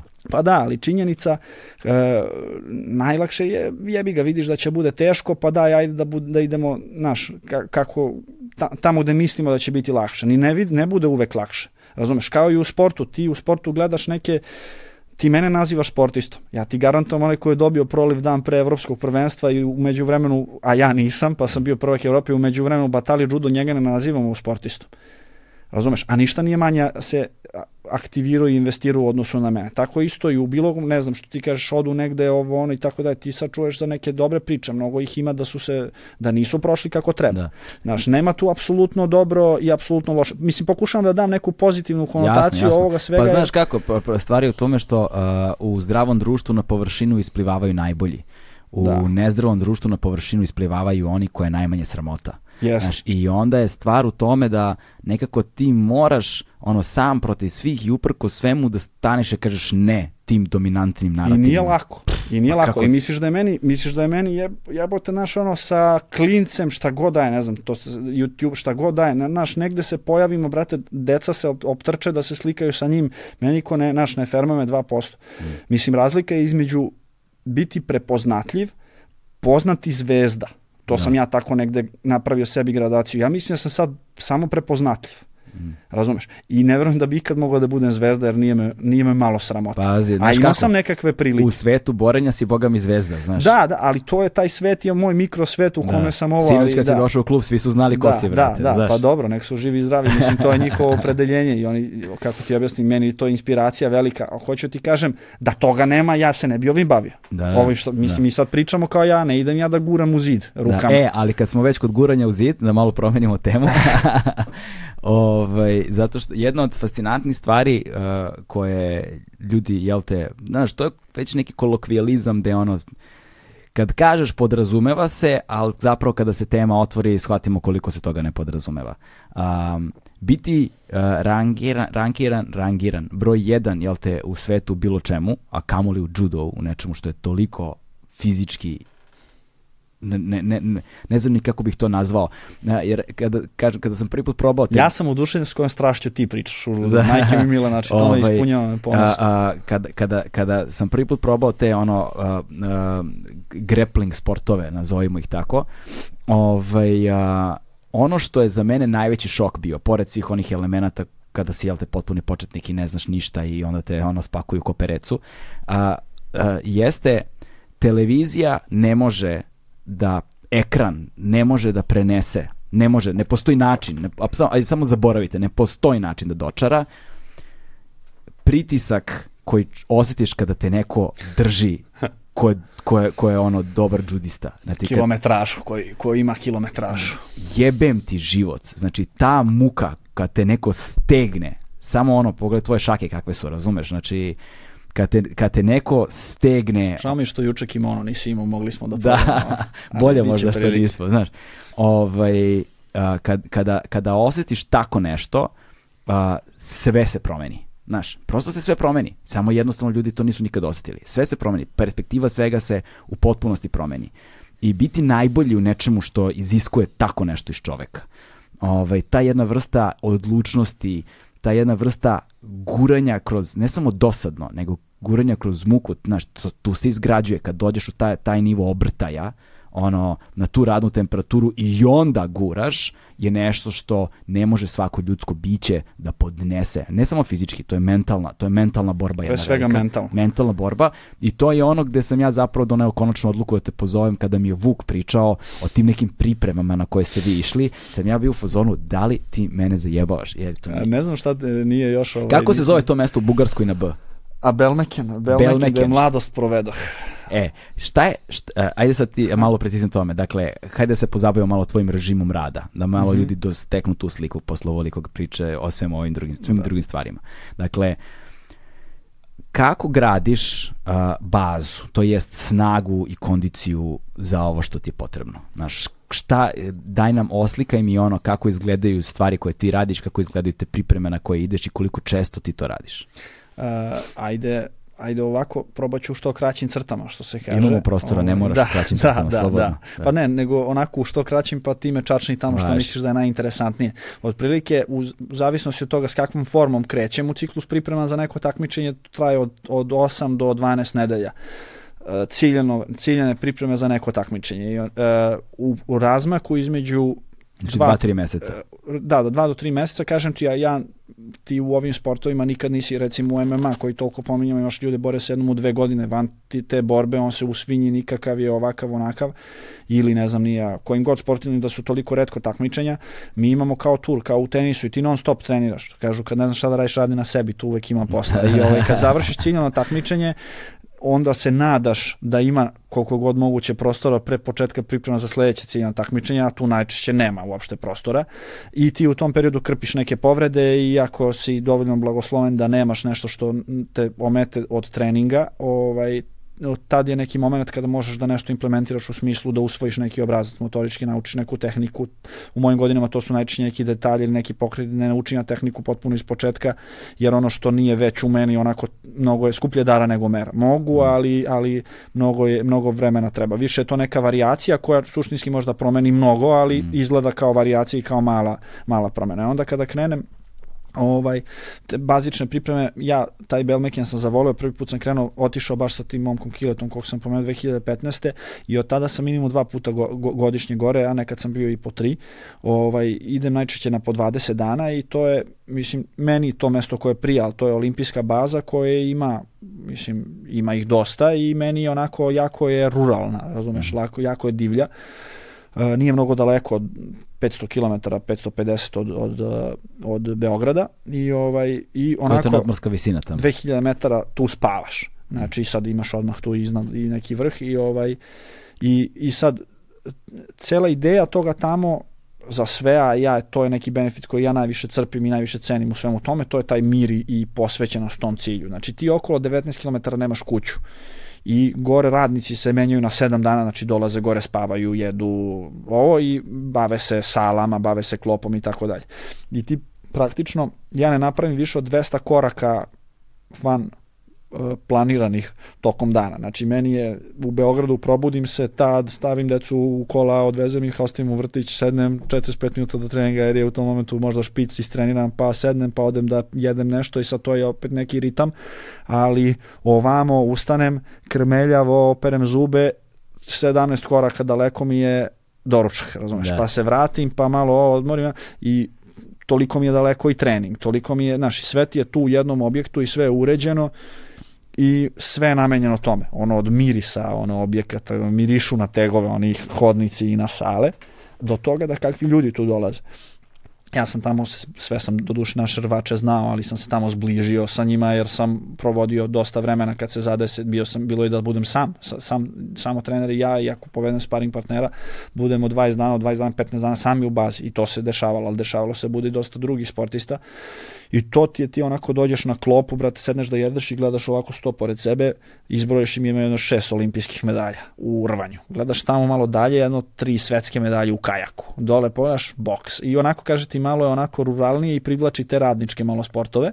Mm. Ovaj, I ceo taj ambijent, to ti ono, dolaziš da budeš najjači na svetu, kako ti objasni, da prolaziš glavom kroz it. I to je neka lepa faza priprema meni, makar jer tu nema toliko, ne, ne insistiram toliko na izdrživosti, toliko daleko od takmičenja, koja te gura u nervozu, gura te u laktate i onako mm. nervni sistem ti malo uništava i tu se ja osjećam snažno, moćno i tako dalje. I tu je ono dešavalo mi se, pogotovo sa ovim Mićom trenerom, koji onako više voli da razdvoji treninge u, ma, u više manjih treninga, pa ima tri treninga dnevno, da to bude tri, tri treninga, tri spavanja i tri klope dnevno. Znači ja se budim, idemo na uh, mobilnost, neku stabilnost, šta god, neko raz, ra, razmrdavanje, idemo do ručak, ja se vratim odrevan 40 minuta, idemo na prvi taj jak trening, posle treninga klopa, odspavam turu sat i po. Šta kada kažeš jak trening? Jak trening čega snage? Kom... Pa da, recimo tamo ujutru recimo bude snaga, pa... Tegovi, to? Da, da, pa kažem ti sve zavisi od faze šta želiš da, mm. šta, šta ti je na, na redu, šta želiš da postigneš, ali ja suštinski gore idem, obzirom da, da bi ja razvio, odnosno tajming i vraća se u tajming i podizao formu u tom pogledu meni treba sparing partnera dosta i, drug, mm. i različitih drugačijih i ovo, a gore skup, ne mogu da ih povedem deset, znaš, nema mm. finansijskog rezona i pritom uslovi su prevashodno potpuno ispunjavaju to vezano za, za bazične pripreme i tako dalje. Mm. Ovaj, I to je neko moje omiljeno mesto za početak priprema i dosta mi je dobrog donelo i onako resetuje me u ceo haos. Ja ostavljam sve neke stvari i stvarčice za posle treninga. Uh, za postizanje, za posle ciljnog takmičenja onda kad mi završi ciljnog takmičenja, kad mi šamara sve što sam mogao da ostavim i to onda opšti haos i onda kad napravim sečku sa, sa time, vratim se ono pročišćen, razumeš, mm. potpuno setovan na drugo podešavanje I, ovaj, I onda kad, kad se vratimo odatle, a on ti verovatno odatle pričao priče, da, Da, da, neke priča na, ovaj, da. da, da, ima on tu, to često pominje na njega, on je bio jednom gore sa mnom i, ovaj, i on mi isto, moraš, mo- mislim ja malo dublje razmišljam o svemu tom, meni gore pun đavo i toliko mi naporno i teško i ovo, i ja se unervozim nešto i onda gledam Vuka koji je uzeo odmor od svog posla da dođe da tu trenira i kaže bre majmunčino nemoj da lupetaš nego radi to imaš ono najlepši posao na svetu. Jeste težak i jeste stresan i sve to. Suštinski je najstresnije što sve zabole uvo šta sam ja tamo uradio i da li sam uopšte i bio. Mm. da li sam bio u kafani i nacirko se i, i va, šta god da sam radio. Mm. Ako ja dođem na takmičenje i izgubim ili pobedim njih ne interesuje to mnogo e to je najstresnije što ti par meseci svog života odvojiš i onda dođeš i niko te ne plati za to što si u- što si radio, nego za ono što treba da uradiš. Da. A to što treba da uradiš ne zavisi samo od tebe, jer ga onaj tamo majko mu trenira i neće Da. padne sam. I ja ako izgubim, a ne interesuje ih, kako ti objasnim, ne interesuje ih. A isto tako mogu da se alkoholišem ako će me to dovesti, dođem i pobedim, brate, neće me pitaju jesi bio na priprema ili ti bilo naporno. Boli ih uvo. Mm. Znači ti si plaćen po učinku i dolaziš na svetsko prvenstvo da ima 100 ljudi. I od 100 ljudi, imam 7 borbi. Nek mi je, u 7 borbi, nek mi je uh, verovatnoća da pobedim svakog protivnika 50-50, da kažemo u proseku. Mi naravno se trudimo da bude verovatnoća u našem, ali nek je 50-50. Verovatnoća budeš prvak sveta ti da 7 puta baciš glavu sada. Da. Znači ti se s tim uh, šansama boriš. A pre toga si se ozbiljno investirao. Mm. I investirao si ono što te najviše košta, to ti je vreme Da. vreme i vreme i energiju. Znači, ajde ti trebaš daš neke, neke pare, pa si dao, pa bude šta bude. Ti vreme ne možeš da... Znači, ja provedem, kako, ako sam u zadnjih 7 godina bio dva puta godišnje gore po 20 dana, pa to je ono, imam uslova za bugarski pasoš, razumeš? Da, Ali to nije samo gore, ja se onda vratim pa idem na te kampove po par dana pa se vratim kući, resetujem se, ližem rane jer ti u 5 dana borbi ne možeš da, da ostaneš ceo, razumeš? A sad kad bi ti nabrojao, ne znam, koliki hematom imam ovoliki na laktu, ne znam da se vidi, ključnuo sam se pre par dana, napio se kliker, razlio se. Mislim, ne možeš da prođeš 5 dana borbi i da prođeš ne, ne čačnut.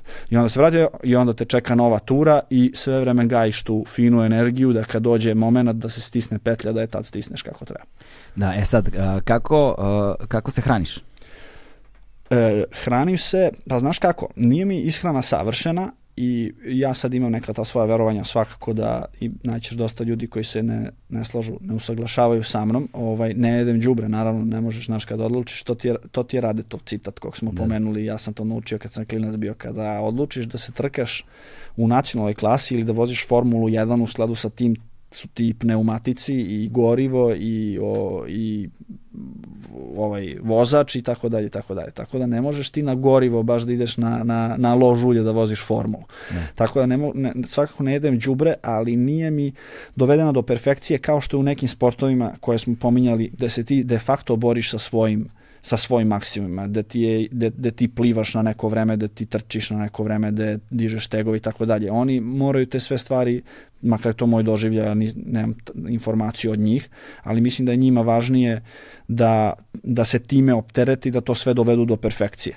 Dok ja ovamo malo to kažem u šali, mislim da u tome ima istina, znači e, to je što kaže Tyson, najubitačniji borac je srećan borac.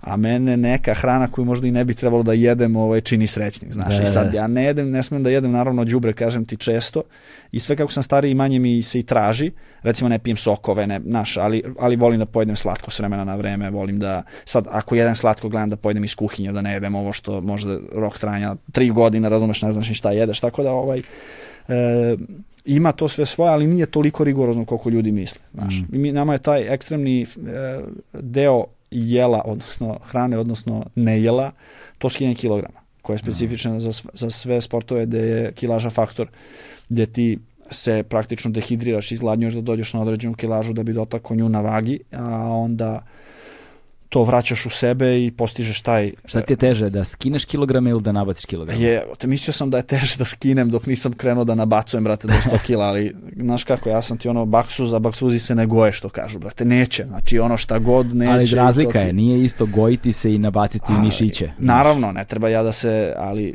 na šta ja postignu neku kilažu na tom Belmekenu gde imam jako uređenu klopu i ovo i enormne količine jedem i suvi su mi trenizi u smislu... Koliko kalorija unosiš dnevno kada ideš na Brate, kad bi ti pokazao tanjir, sad ti ne bi verovao to. Znači ti ne bi verovao, moj trener nije verovao, znaš kad smo trebali imamo na Belmeki, treba se ugla, ja mu kažem Mićo neće, a oni radi u svoje vremenu s bodybuilderima, pa mi iz ugla njega, kojima je to ekstremno da. važno i onda i suplementaciju i ishranu mi pokriva on u smislu smernica, znaš, ono, ajde, rokamo četiri proteinska šejka dnevno, daj ono, ja ne mogu više da ne kažeš, daj, rokaj pirinač toga, znaš, ono, ovoga mesa imamo, proteina imamo ovamo, brate, to su ovoliki ovali, ja ne znam, dođem do 102 kile i suvi treninzi, nema znojenja, nema ono kečevi, yeah. velike kilaže i kad krenem da se bo borim, ono, ujutru borba, uveče borba, ma samo se iscedim i, brate, 3, 4, 5 kila, ono, za, za 5 dana, dole i onda ti to braniš posle vraćaj nalivaj. Ne možeš, znaš, izbacim 3 kile, 3 litra iz sebe za, za prepodnevni trening i 3 za večeri.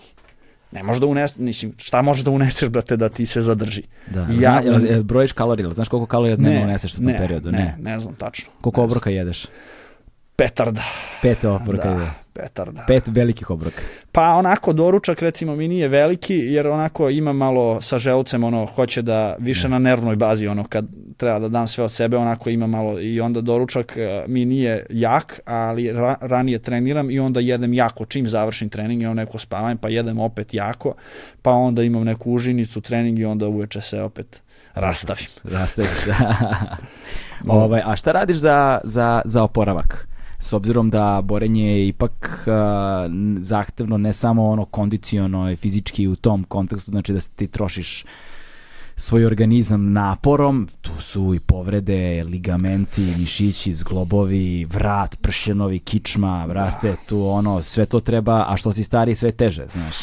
Tako da šta radiš za poravak, to me zanima. Pa, I koliko ti to znači? Da, kad sam bio klinac, mislio sam da sam neuništiv, znaš, ono, ti pričaju, ma kao, brate, Kenjaju, vidi, ja se za pet i po meseci takmičio već posle operacije kolena, ovaj, ali sve što si stari sve više znači kako kažu u sport nigde, nigde bolje ne osjetiš razliku između 20 i 30 ko u sportu. Maj, mm. Majku mu ko prekidaš da se prebaci ono kako napuniš 30 ono sve krene, mm. sve krene teže i sporije ali kažem ti ja sam imao tu uh, situaciju sreću nesreću kako god nije malo je tu falilo i ekspertize i nadzora nada mnom i tako dalje da sam se kad sam mlađi bio povređivao i onda sam naučio da vodim računa o sebi morao sam što mm. se kaže i onako uh, dosta radim na sebi. U, u, u, tu sam ja našao i taj malo, tu malo prednost psihološku, jer stvari koje, su, koje radiš u oporavku, sušti, da bi se oporavio, njih radiš odmarajući.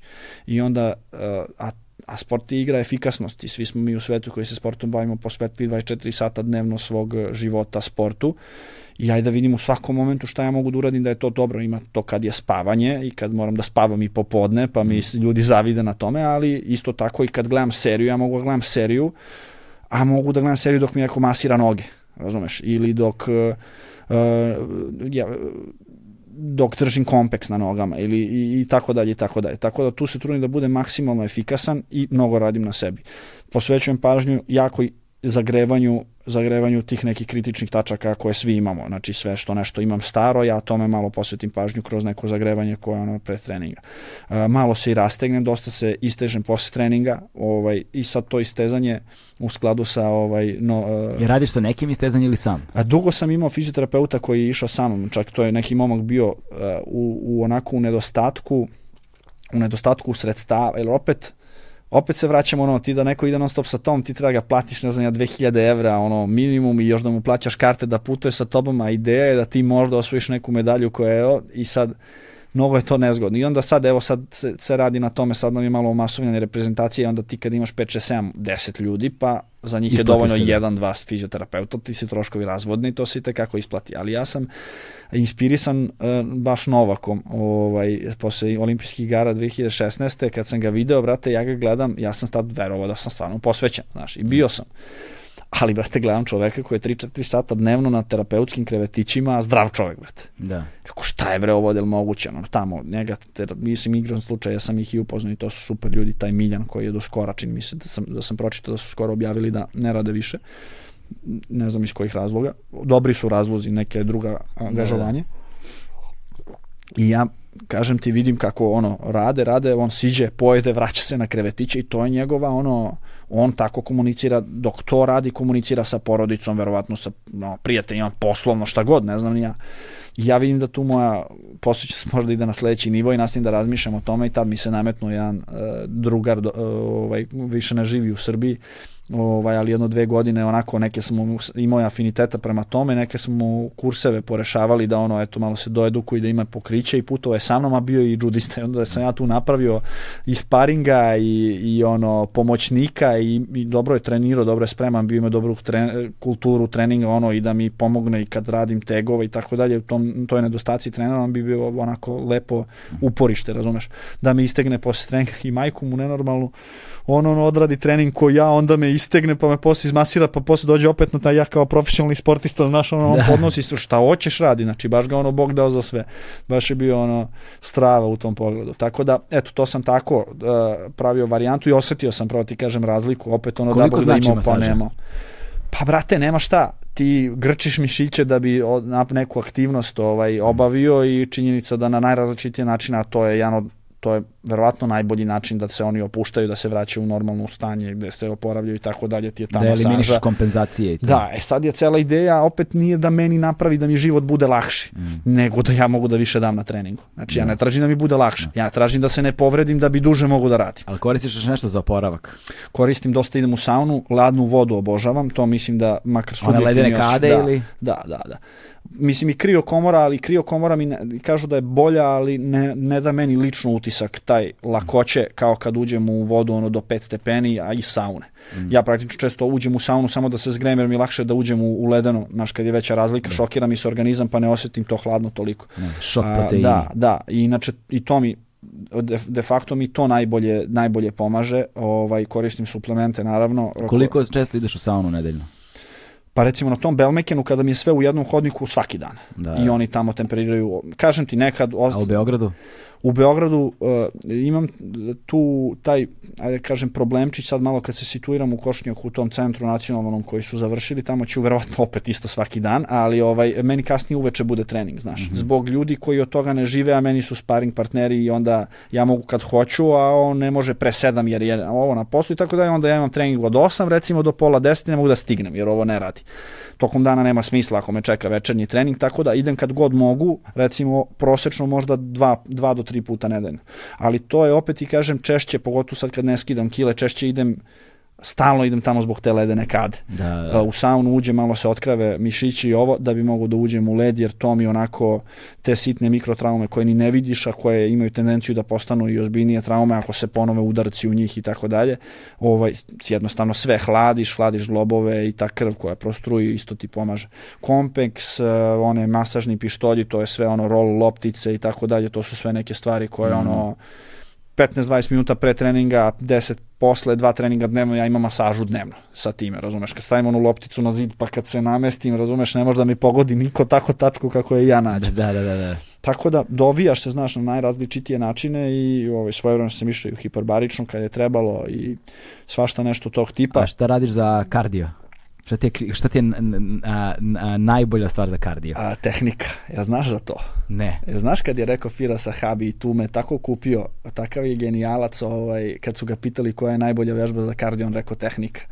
Ovaj, a, iz razloga što ne postoji nikakav kardio na svetu koji će ti kompenzuje, e, naravno da razume se tvoje pitanja, sam napravio digresiju, se tako namestilo, a, tvoju neefikasnost koja polazi od loše tehničke potkovanosti, nikakav kardio na svetu ne može da kompenzuje. Znači, možeš ti da budeš spreman koliko god hoćeš, ako ja jednostavno te stavljam stalno u nekomforne pozicije dok se ja tehnički, dok se zadržavam u komfornim, ne možeš da izdržiš, ne postoji teoretska šansa.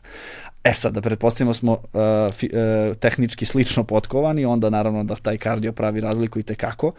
Ovaj, I recimo, uh, sa ovim trenerom sada, uh, Uh, čim sam krenuo da radim s njim, on mi je stavio pulsmetar, ja kao šta mi daješ ono, naš, ono, na tegovima, kao nema veze, neka ga tu, naš, i, i pokazale su se neke stvari za koje ja nisam znao, recimo, gde mi srce ide najjače, ono, na zgibu, recimo, da mi ode na 210, na 15 zgibova, tipa, da mi bukne i, ovaj, tu smo ustanovili neke stvari da, da, da mene zapravo kardio najviše, najviše provocira taj neki uh, ajde da kažem kružni, mi to zovemo komplekse, ali ovaj uh, vežbe sa tegovima, znaš, mm -hmm. i u nekom krugu, mislim, te vežbe, ti kompleksi, to je nekih, lupam sad, to je sad samo jedna od vežbi, uh, odnosno setova vežbi, ali mene najbolje podiže za to što meni treba. Meni treba da budem i eksplozivan u određenoj meri, a da mogu da izdržim tu borbu koja u krajnjem slučaju traje aj prosečno 4-5 minuta, možda traje u nedogled.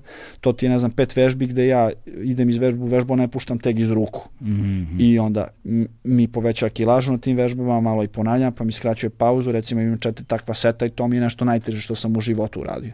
Ali i njih sada forsiramo i najbolje se pokazuju na meni da... A to da, su da, kao, sad, znači kao, kao super serijama neke dinamičke vežbe. Pa da, evo ti recimo, to, to sam baš danas imao, da, igrom da. slučaja, da. ovaj, i volim kada ima manje, manje ponavljanja sa većom kilažom jer jednostavno manje traje. Da. Ali uh, 70 kg de, po 10 ponavljanja, mrtvo dizanje, veslanje u pretklonju, nabačaj, prednji čučanj, izbačaj. Ja znači da. 50 ponavljanja držim 70 kg u rukama i prva serija nije toliko strašna. Da. Posle minut, kad ti nisi stigao da se oporaviš ni 30%, ulaziš u drugu, to je već čupavo. U trećoj već, brate, proklinješ moment kad si se rodio, a u četvrtoj ne znam kako izdržim. Ti dođeš u situaciju da držiš, da vučeš nabača, nabačaj, i nekako bi malo odmor, ali ne možeš, neće nabačaj da ode ako ne stegneš i sve snage. A da. ti moraš da stegneš, a ne možeš da stegneš. A gubiš grip strength. Uf, I moraš, znači moraš na tom svesnom nivou da stegneš da je to, ovaj, i kažem ti, to su ti takve igre sa ono mm. unutrašnjim demonima da je to neverovatno i sad takvi tipovi treninga ne mogu se rade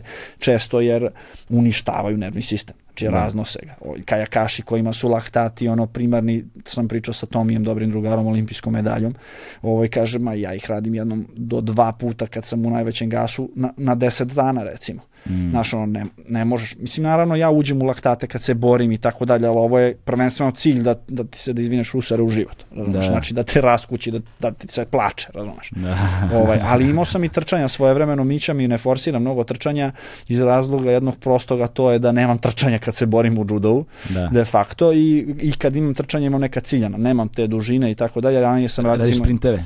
Uh, imam malo sprinteva nekada kada je prostor za to, ali recimo imam traku i traka je na brzini 18 i ja trčim sa pulsmetrom dok ne dotaknem 180. Kad dotaknem 180 trčim još pola minuta, da, da. a odmaram do 140. I onda nemam ono trčiš minut taj mm. uh, taj da, tempo da, i ovo. Mi smo to atletici nazivali fartlek. Da. To je promena brzine. Pa ja recimo siđem da bi, da bi sa pulsom, ja, ja čak i siđem sa trake, to su meni deonice, razumeš, da. vama su promena brzine, a meni su deonice. Ja znači imam deonicu kad treba da dođem do 180 pulsa, e sad, kad sam dobro spreman, to dosta traje da. i podižem i brzinu i tako dalje, pa onda pola minuta recimo trči na toj brzini, pa siđem, pa ako sam spreman, meni siđe puls za 15 sekundi na 140. Ja se već vraćam na traku. Znači, ono, flertujemo tu sa, mm. sa realnom tvojom slikom, razumeš? Jer nije ti i ja kad bi stali isto da radimo, sigurno se puls ne bi ponašao isto. I vrlo verovatno bi ja povraćao na nekoj brzini koja tebi lagana. Ako da, radimo isto, to je to. Ja imam sad 40 da. godina i trčao pa sam pred 20 godina poslednji put. je da. kilometraža, tako da pusti to. Tako da to onako dosta, uh, mislim, ja znam ja benefite, kako ti objasnim, uh, tehnologije, sad opet eto ti je, da. eto tehnologija, ali ja nisam, znam ja za puls metar, kako ti mm. objasnim, ali nisam znao da tumačim šta ja tu targetiram. Ovaj, brate, tačno zna šta hoće, razumeš, da, tačno. Da. I recimo, e, iz mog iskustva baš na tom Belmekenu imam, to ti mogu pokazati posle, screenshot uh, mog treninga sa puls, puls metar aplikacije, gde je meni na 32 minuta aktivnosti 185 prosečan puls. Ujebote. A to je trening koji simptomatično sam primetio da ja na to najviše reagujem. Kad su te stvari, to je brdo. Da. I ja im brdo jurim, jurim vreme i ti najviše, najveći deo vremena tu hodam. Znači nema tu trčanja, a tamo to je ovako je. A, ta, a, tamo ti je, a tamo ti je i, i prorađen vazduh? Visina, ne možeš da dišeš, koraci nisu jednaki, ne možeš ritam da uhvatiš malo kamen, malo prokliza noga, malo ovo, a juriš vreme. Ja kao stavim muziku, čujem tri minuta muziku, posle toga samo to čujem, razumeš, ono, zaglunem i uši i samo čujem kako mi roka puls, ovaj, znaš, ono, još znoj, znaš, ono, sve dođe, ma kakva i muzika i kakvo šta, znači ništa, samo borba za život.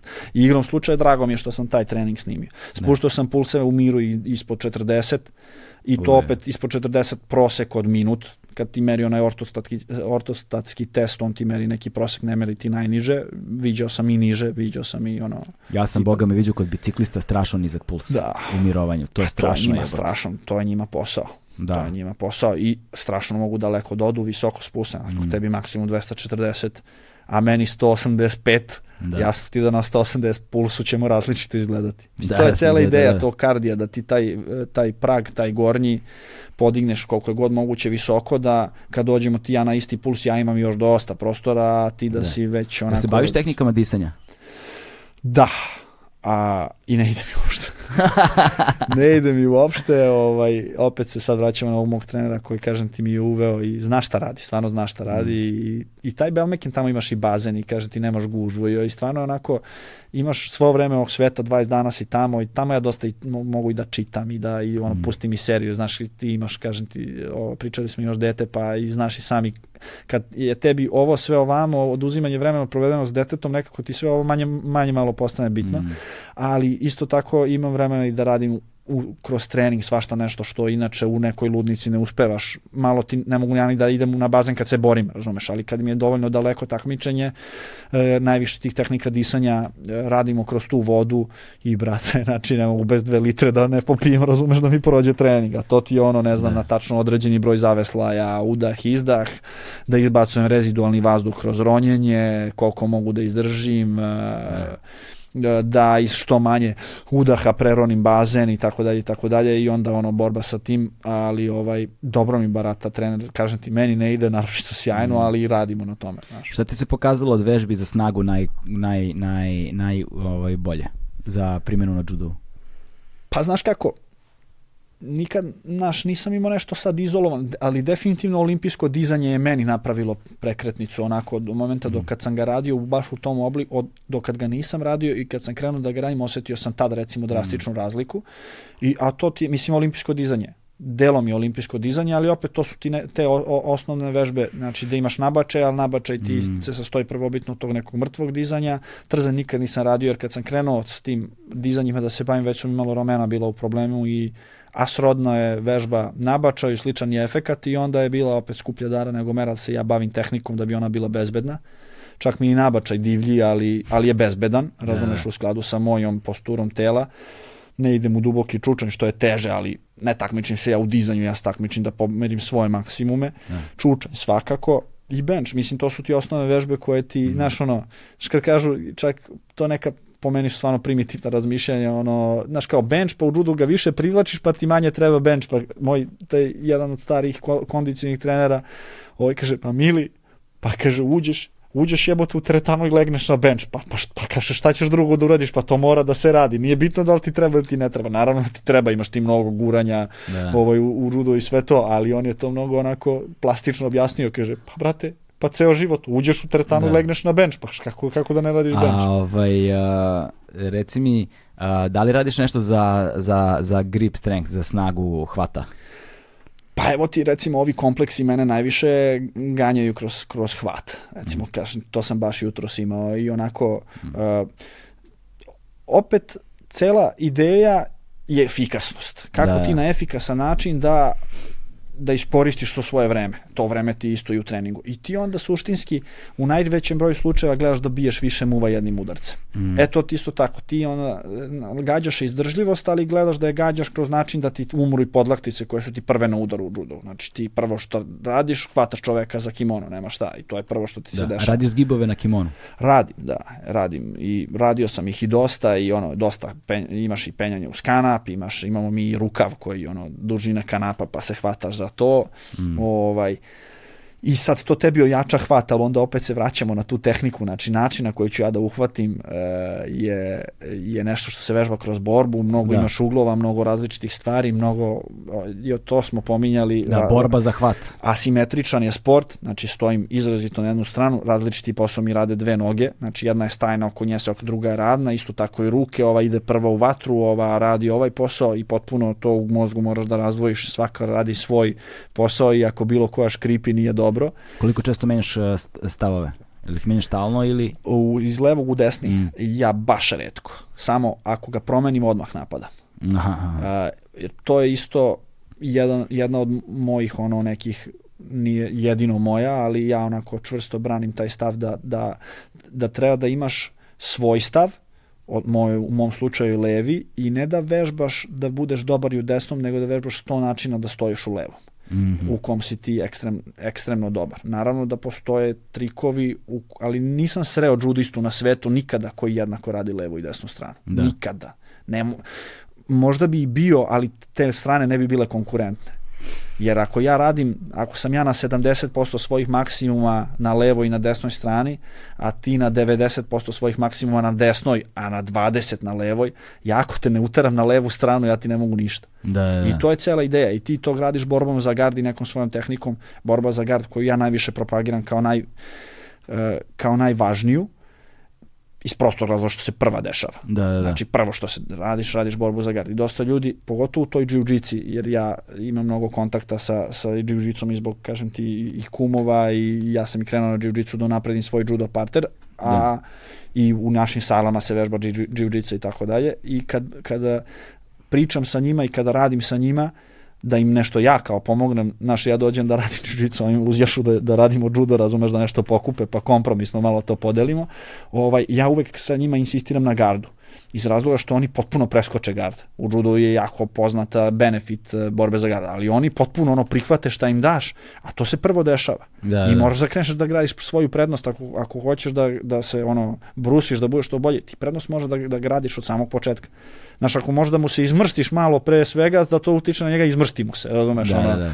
To je pre borbe za gard, ali da pretpostavimo da to nema nekog efekta, znači prvo što ima efekta, to je borba za gard.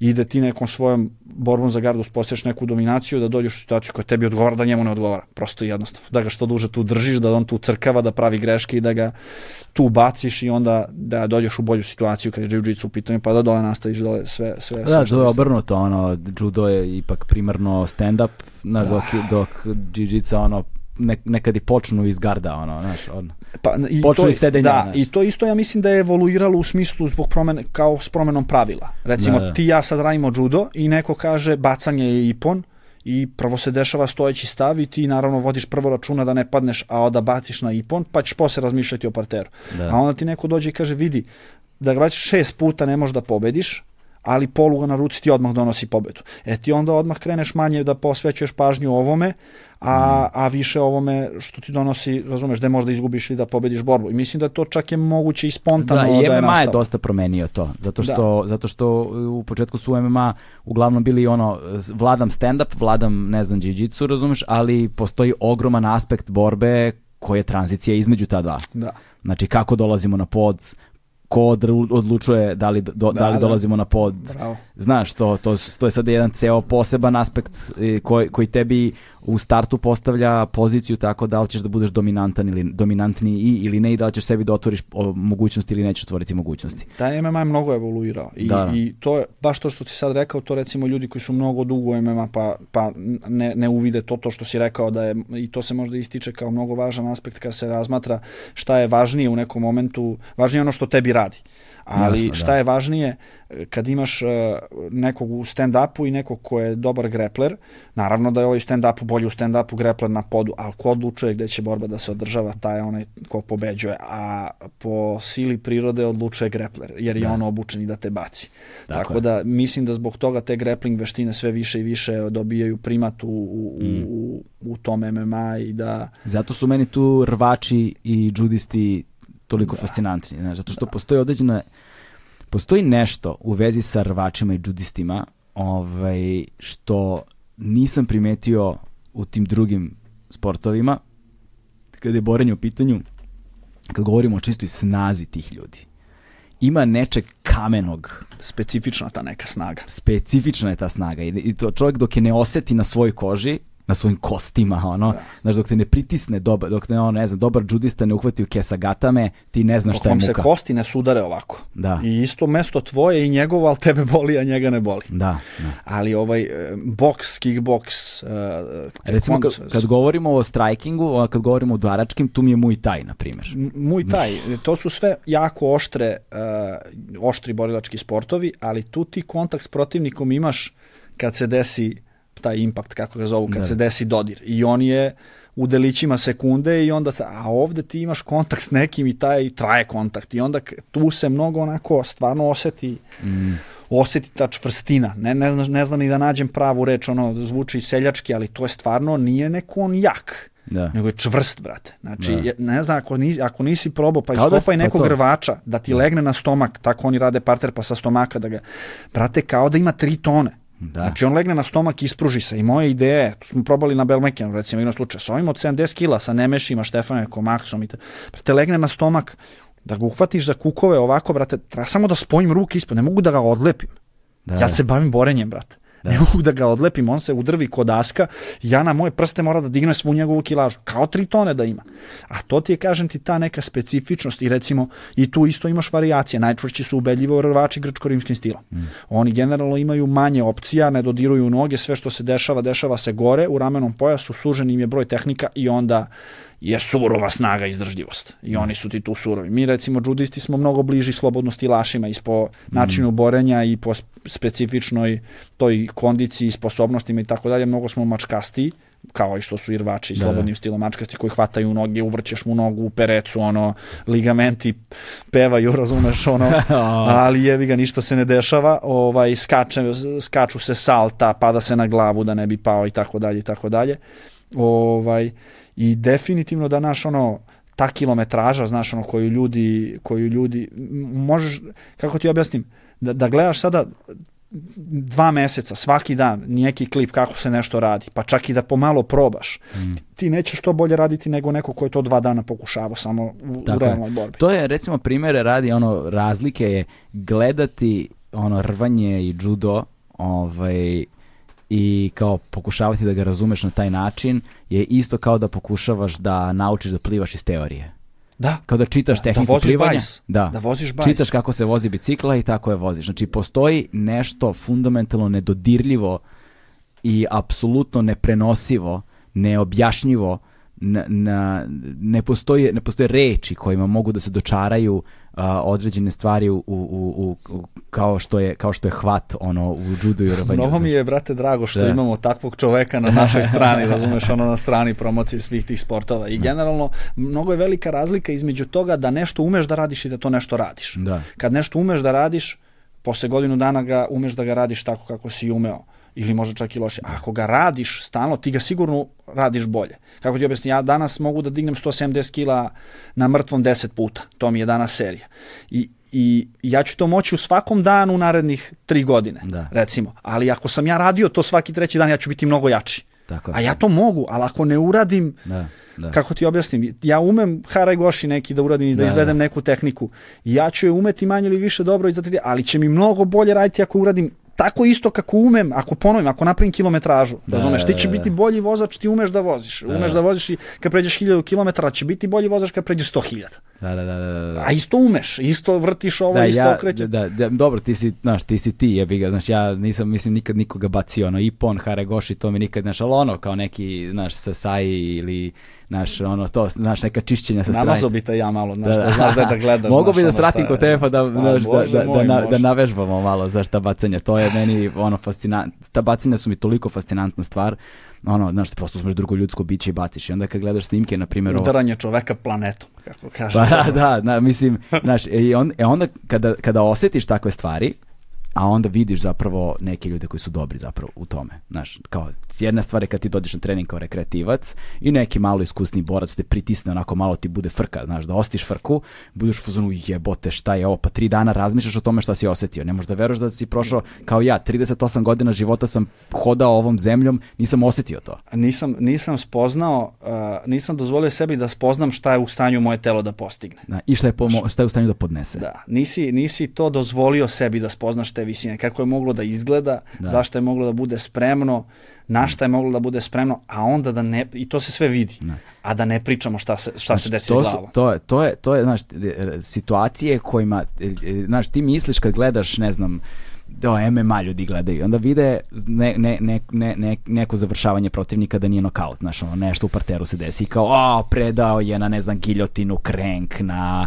polugu, na ovo, na ono, mogo je da izdrži, mogo je ovu tehniku, mogo je onu tehniku, a niko ne računa, Burazeru, na, ti bi predao pod samim pritiskom koji osjetiš. Ne, ne, bez, po, znači, znači, bez, bez, bez, bez za, tehnike Ma ti si već predao, bre. Ti Da, da. nisi otišao u salu još. Znaš, Da, da, ajde da. sad, ima tu ljudi koji komentarišu, je da, ali bre, komentariš neko ko to nikad nije probao. Da, da, ti, da. ti si već predao, ti znaš da to voliš, pratiš i Da, da. ima to tamo kod tebe u komšiluku, ti ne odeš, ti si već predao. Da, to. Ali to je specifično, znaš, oni hoće oni da prokomentarišu, ali naj, evo to sam ti samo, sad sam ti rekao, znači jako specifična situacija u kojoj ti imaš neko ko ima kilometraže koji to sve probao, ti misliš to je to, na što se tako izvedi. Brate, kost na kost, naslonite, na isto mesto moje i tvoje, kad se spoje i kad krenu da se žuljaju, meni to ne smeta, tebi smeta. Da, da, da. Razumeš, to ti je jednostavno to kad se, kad se učvrstiš radeći nešto, kako ti, ne znam s čim da ti poistovetim, ali ti vrlo verovatno možeš da vodiš emisiju, odnosno da razgovaraš e, e, mnogo duže nego mnogi koji ne, ne, ne, se ne bave podcastom. Razumeš, Da. jednostavno si u tom modu, to tebi prija, lakše ti ide i tako dalje. To se svuda,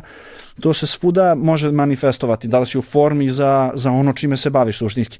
Samo ovde, brate, naš onako dosta je upadljiva ta razlika kad, kad do toga dođe. Znaš, I strašne su posledice. Ume da boli dosta, Da. razumeš, tako I da. strašne su posljedice i onda je neverovatno to da posle vrlo malo vrežbe, ono 3-4 meseca, ne, ne više od toga, navikneš se na te vrste pritiska. Staviti neko koleno na grudi, na pleksus, ništa.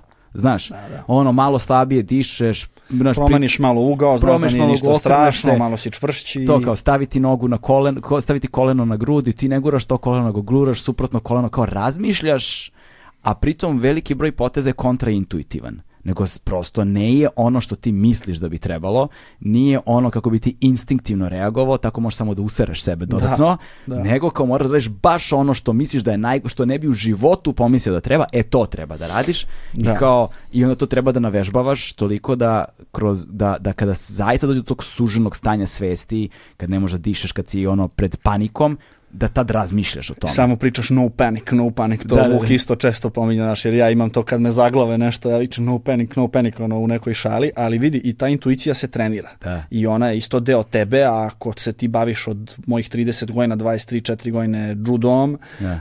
uh, judo je deo te intuicije. I ja kad se borim, znaš, to je recimo isto kretenski kad te neko, ne znam, savetuje ili pokušava opet da kopira nekoga, Mm. znači, brate, ja se ostavljam na svoje osjećaje, ti se oslanjaš na svoje, na moje ne možeš, da možda se osloniš na moje osjećaje i ti u krajnjem slučaju radiš nešto što je u skladu s tvojom intuicijom, što ti prvo padne i saznanjem koje imaš i onim Da, da, da. što si vežbao. Ja intuitivno kad radim mnogo bolje poteze, povlači moja intuicija nego, nego Da, nečija da. tuđa. E, na kraju se svodi to dosta na improvizaciju. Mm. Znaš, ti sad lisicu neku od borca, teško ćeš da preveslaš na školsku tehniku ili na neku Da, jednostavnu da, da. zamku. To je ono na kvadrat, na kvadrat, na kvadrat, ono kad krenete da se lovite, mažeš mu stopalo dole da bi ga udavio i tako dalje i tako dalje. Ali kažem ti, Ti tu koristiš polugard. da, dosta koristim polugard. Pa rekao sam ti, po, pominjali smo malo, e, e, ja volim nekako da, ver, do toga treba doći, da možeš da razmišljaš, znači sve ostalo mora ti bude automatski prilično i dobro uvežbano da bi o tim stvarima mogo da, da, da razmišljaš. Sad ne znam koliko tvoje publike uopšte se bavi brazilskom džiu-džicom. Ja brazilsku džiu radim pre svega da bi unapredio svoj judo parter i velika, veliki deo sad svetskog judoa ide na taj cross trening kako ga zovu sa jiu-jitsom i dobra je atmosfera i to su sve super ljudi, srodan je sport i jiu-jitsu ima smisla raditi sa judistima malo stand up jer i oni sad isto se popravljaju kako je sve globalnije i sve se duže ljudi bave time ovaj e, i te kako ima smisla i te kako ima smisla to u, u, ukrštati a ja kada ovaj odem na, na, na ne pobeže mi misao sada Da, nešto sam polugardu. O polugaru, da, oprosti. Ovaj, e, ja kada odem na trening brazilske jiu često im dam neka nova viđenja koja su opet, nisu ona specifična za judo, ona su univerzalna viđenja, ali onim čime se baviš moraš mnogo daleko da dođeš da bi stigo da razmišljaš o tim stvarima. Kažem, ne znam koliko publike imaš, ali recimo taj polugard uvek će, često će brazilske jiu borci da, da, da, da biraju side, da, da budeš potpuno u kontroli sa strane, nego polugard kada protivnik drži svojim nogama tvoju jednu nogu, Da, posebno kada je protivnik ja, veći od tebe. da, a ja recimo uvek biram da moja noga bude uh, pod njegovom kontrolom, prividno. A meni, ja to suštinski radim kada ja hoću da napadnem neki od gornjih ekstremiteta i kada mi treba više malo da izađem iz balansa, meni je tad neprijatelj njegov most, skakanje njegovu u most. I, ovaj, I ja znam da mosta nema dok god su njegove noge naslonjene na moje. Da, da. I ja znam da mogu da izađem iz balansa koliko meni treba. I on kad oseti da mu je vreme za most, on čim pusti moje noge, ja sam se vratio u bazu i njemu je taj most propao. Da, da, I da. toga i troši i frustrira i sad i, i ono što je opet taj nivo sledeći koji pominjem, to je da on misli da se to desilo slučajno. Aha. I on njemu, jaj, brate, kako sam zakasnio pola sekunde, crkao sam samo bez veze sa ovim mostom, nisam uspeo, a ne znam da sam ja to suštinski čekao. I ja to dva puta da uradim, treći put ovaj mučenik neće ni da pokušava most. Ti to radiš i u judo zapravo, kod, da. kod borbe za hvat. Da, pa to je, mislim, to je koncept ceo, razumeš, generalno, ja imam, ne znam, kad, krećem, kad krećemo da se borimo, pa često naslonimo dlanove jedan na drugog ovako. Da, da. E, to je zato što vidim da mogu da ga preveslam, da, da, ga, da ga u tom nadmudrivanju, da ću da ga nadmudrim, tu je meni neprijatelj njegova sreća. Da on može da skoči i da preskoči tu borbu za gara da dođe u neku poziciju koja je bolja. Ja onda stavim ruke tu i meni su njegove ruke stalno pod kontrolom. U smislu, dok god se dodirujemo, njegova ruka ni na mom kimonu. Čim je nema, ja refleksno se izvlačim, reagujem i nema šanse da tvoja ruka iz ove pozicije dođe do mog revera da joj ja ne zasmetam. Znači yeah. da ne odreagujem koliko meni treba. Ali isto tako ima kad to meni smeta. I tu onda imam te moje seljačke fore kojih imam dosta, ovaj, yeah. uh, čapim mu oko prste i ja njegove prste zaglavim, a povučem ovako ruku nazad, znaš kao da je on meni to uradio i onda onako zbunjen i sad to njega nije zabolelo. Ja sam njemu samo zadržao ruku i, odlum, i to de facto radim više na treningu kroz neko zezanje, ali nije mi bilo strano i na takmičenju da to izgleda, držimo se jedan i drugi, ali ja sam malim gestom napravio kao da je to meni zasmetalo, da je to mene zabolelo. Sad meni nije ideja da on dobije od sudije kaznu, niti je ikad dobio. Da. Ali vidi da će možda da dobije i više ne stavlja ruke tu, a to je meni smetalo. Znaš, da, to su da, onako da, da. te neke baš ono... Mind games. Sitne, da, e baš to. Mislim, imao sam i da širim ruke kao albatros kad ulazim u borbu, onako da malom tom đavolu u njegovoj glavi pošaljem poruku, pošto sam ja bio mršav da. i viši od ostalih, ali kad sam u kimonu ne vidi se koliko sam mršav i onda izgledam krupnije i kažem ti kad se lomi tamo borba, ako će to da mi donese tu najmanju prednost, ono, taj đavo koji mu šapuću, vidi što je, le, ne. ono, gledaj ga koliki je visok, jak je. Ko ti od protivnika bio ono najveće iznenađenje? Da te, da, ko, ko, ko, ko je onako prava životinja koju nisi očekivao možda? Ili, ili si možda očekivao, ali nisi znao da je to baš da. u toj meri? E, znaš kako, baš dugo mi se nije desilo da udarim toliko u tvrdo, a da, da jer nama je to dosta onako, uh, ti u MMA i dalje možeš da dođeš na neku veliku scenu, a da si pošao potpuno ispod radara. Kod nas to ne može da se desi. Mi smo da. jako rasprostranjeni i ti već neko kad je junior, već ga srećeš, viđaš. Da, ne može se desiti u judu da si ti pojaviš 22 godine da si najbolji na svetu. Da. Mora, si prošao ceo proces da si takmičio. Ne možeš da budeš dovoljno dobar ako ne, se ne takmičiš i ne susrećeš se i tako dalje. Ali recimo ima, ima par boraca i čak nije to ni nužno možda borac kao borac koliko neka situacija da. u kojoj, brate, napraviti šareno popodne, razumeš, ono, da. ne mogu da verujem, brate, šta se desi, ne mogu da verujem, znaš, ono, padneš i, i Jesi ono... radio sa ovaj, kako zove crnac, francuz, što je bilo? Riner, Riner, je, jesam radio, ali ovaj, vraćamo se, ono, ima smisla zbog čega kategorije postoji da, i to nije, ovaj, ali meni recimo tog Riner, on je 202 i 130, 40, 50 kg, da. sad on je plus 100, pa varira, razumeš, nije mu toliko važno, mislim da kad je u formi da je oko 130, da ovaj, da, i sad mislim ti, jebote koja da, životinja ti čovjek. učestvuješ u toj borbi, nemaš, nemaš da, da. naš ono, ali imamo tu nekog tog Gruzica, on je rođen za kavez, u tom plus 100, Tušišvili bio i prvak sveta, znači da. ti kad ga vidiš njemu ide glava, da. pa vrate metar posle ide ostatak tela, znaš. I, ovaj, i on 115-20 kila skoči salto nazad iz mesta. Znači zamisli to i pravi onaj monstrum, onaj gorštak da ga, da ga zver što kaže da, da. profesor Čiz. Znaš, ono ja sećam se baš kad sam bio prvak Evrope, ovaj, dan posle smo se borili na ekipnom prvenstvu i sad mi tam, tad još nismo toliko bili kon, konkurentni na, na državnom nivou, da smo sad bili konkurentni za medalju, pa sad kad ti imaš i tu motivaciju, izlačiš i sebe mnogo više. Ja, brate, posto prvak Evrope dan pre. Ne. Znači, sve sam završio, brate, što sam za, mogu da zamislim, razumeš? Ne. I polomljen, to ne, možeš, to ne može isto da se objasni. Kako ti od momenta potpune svežine tela dolaziš do potpunog polomljenog tela kroz pet borbi nekih. Da. Polomljen, raspadam se, kao da me neko tuko celu noć, brate, da sam došao da radim to ekipno, a taj isti dan kad sam ja radio, to su teže kategorije, radi 90, kategorija 90, 100 i plus, i radio taj Tušišvili, posto isto prvak Evrope, ja ga gledam, prolazi kroz halu s nekim slušajcima, uh, uh, divlja tamo nešto, rekao, daj bre druže, gledaj ovo, kakav je, daj malo to pokupi od njega, znaš, ono, odmah se, odmah se gicem i, ono, može kao, je, gledaj ne. ovog bre, kakav je, znaš, ono, daj, podivljaj malo, znaš, tako da, stvarno je on, spe, meni je, recimo, on jako specifičan, pa i pritom ni on je olimpijski pobednik, pobednik olimpijski krpale, kome je to druga zlatna olimpijska medalja, prvo je svoju 100 kila, 2 da. metra, ovolike pločice i ono 120 kila, razumeš, tako da, atlet, Gene, što se kaže. Genetika na kraju dana je ono neumoljiva stvar. Jeste, jeste. Znaš, bez obzira. Ovaj, Kućo, a, hvala ti puno na razgovoru, brate. Hvala tebi, bilo mi je izrazito zadovoljstvo. Veliko zadovoljstvo, zaista. Ovaj, a, sam samo kažem, ti imaš i uh, dve svoje sale ovde u Beogradu sad, je li tako? Da, jedna je u sportskom centru Banjica, uh, druga je u Zemunu, uh, eto mali... Tamo imaju judo za decu i jiu-jitsu za odrasle, da, tako? Da, i sada opremamo treću u kojoj će biti samo judo, to će biti onako sportska salica ćemo je zvati, mm. ovaj, i verovatno i proslova nekih rođendana. Da.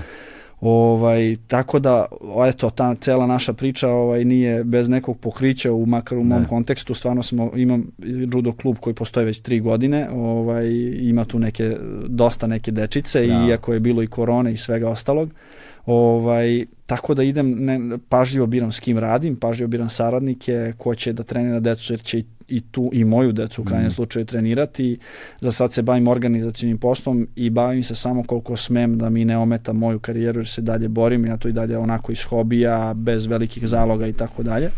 Verujem da će to sve biti u nekom boljem i većem zaletu kada ja završim sa svojim aktivnim bavljenjem, ali ovaj eto krenuli smo u tom Strano. nekom pravcu ovoga što smo pričali ako ja budem želeo da nastavim da se bavim mm. judom iz ugla trenera, Uh, ja ću za tri godine kad karijeru završim već imam ti klince koji 5-6 godina treniraju i imaju po 13-14 godina pod mojim nekim sistemom su kako ja mislim da to treba da se da. radi. I... Ako su ljudi zainteresni probaju jiu-jitsu i ako su zainteresni pošli svoju decu na judo, ostavit ću ja linkove u opisu da. ove epizode ovaj pa za Instagram ili šta god već da ima, naći ću neke linkove, daćeš da, mi, daćeš mi ti ostavit ću pa ljudi mogu da kliknu da vide da, da se raspitaju. I nek nam zahvale kasnije što se kaže. Tako je, nek nam se ne posle mogu, zahvale. Ne ovaj, što su dali jedan strahovit alat uh, svoj deci da budu bolji ljudi i kad kažem alat ne mislim na samu veštinu koliko mislim na ono što ta veština nosi sa sobom od uh, samopouzdanja, odnosa prema sebi, odnosa prema drugima, um, uh, odnosa prema svojim drugarima i drugaricama ono, u, u klubu. Roditeljima, roditeljima trenerima. Sve, ma, ne možeš ti da poštuješ, poštuješ trenera, da ne poštuješ onda dakle, roditelje. Da ne poštuješ da, tatami, da ne poštuješ da, trenera, da ne poštuješ sparing partnere. taj, taj ono, posoljeno istočnjačkom u tom kulturom, japanski je sport da. generalno i znamo svi kakvi su Japanci u smislu mm. poštovanja i reči i časti i tako dalje, tako da na najrazličitijim i najviše mogućih nivoa će izvući benefite koje verovatno mnogih nisam ni ja svestan, a kamoli oni koji da. još to nisu iskusili. Dakle, samopouzdanje, emocionalna stabilnost i mnoge druge stvari Sve, samo kontrola, mm. staraš se o sebi, da te ne nauči da ne, da, da, da ne odustaješ, znaš kako kažu, opasan ti je sport, pa opasnije je to što tebe uči da odustaneš na, na, na, na najmanji mogući problem, kad je onda stvarno problem neki od moje sorte, mm. treba to da reša. A tu ne mislim najmanje na fizičke stvari, nego mislim na neke Jasne. životne situacije koje su ti onda važne, a ti znaš da moraš da. i znaš da kad si god morao nekako da te nešto naučilo da kroz to prođeš. A ja bih stvarno da ti se zahvalim ovaj, e, što si na našoj strani, kao što sam rekao. od skora, i, od skora, ovaj, od skora, skora da. ali da te poživi što se kažem, ovaj, veliki ćeš i ti stvari iz svog ugla uraditi za naš sport. Nisam imao utisak, e, mi smo se upoznali ranije, da. ali shvatio sam da, ali sad tek kroz ovu priču temeljniju sam shvatio koliko si fan naših sportova i koliko dobrih stvari radiš za njih kroz promociju, tako da iz ugla Hvala svih tebi, boraca ja a, ti se zahvaljujem. Hvala tebi i to je to. Stigli smo do kraja. Ćao. Ćao.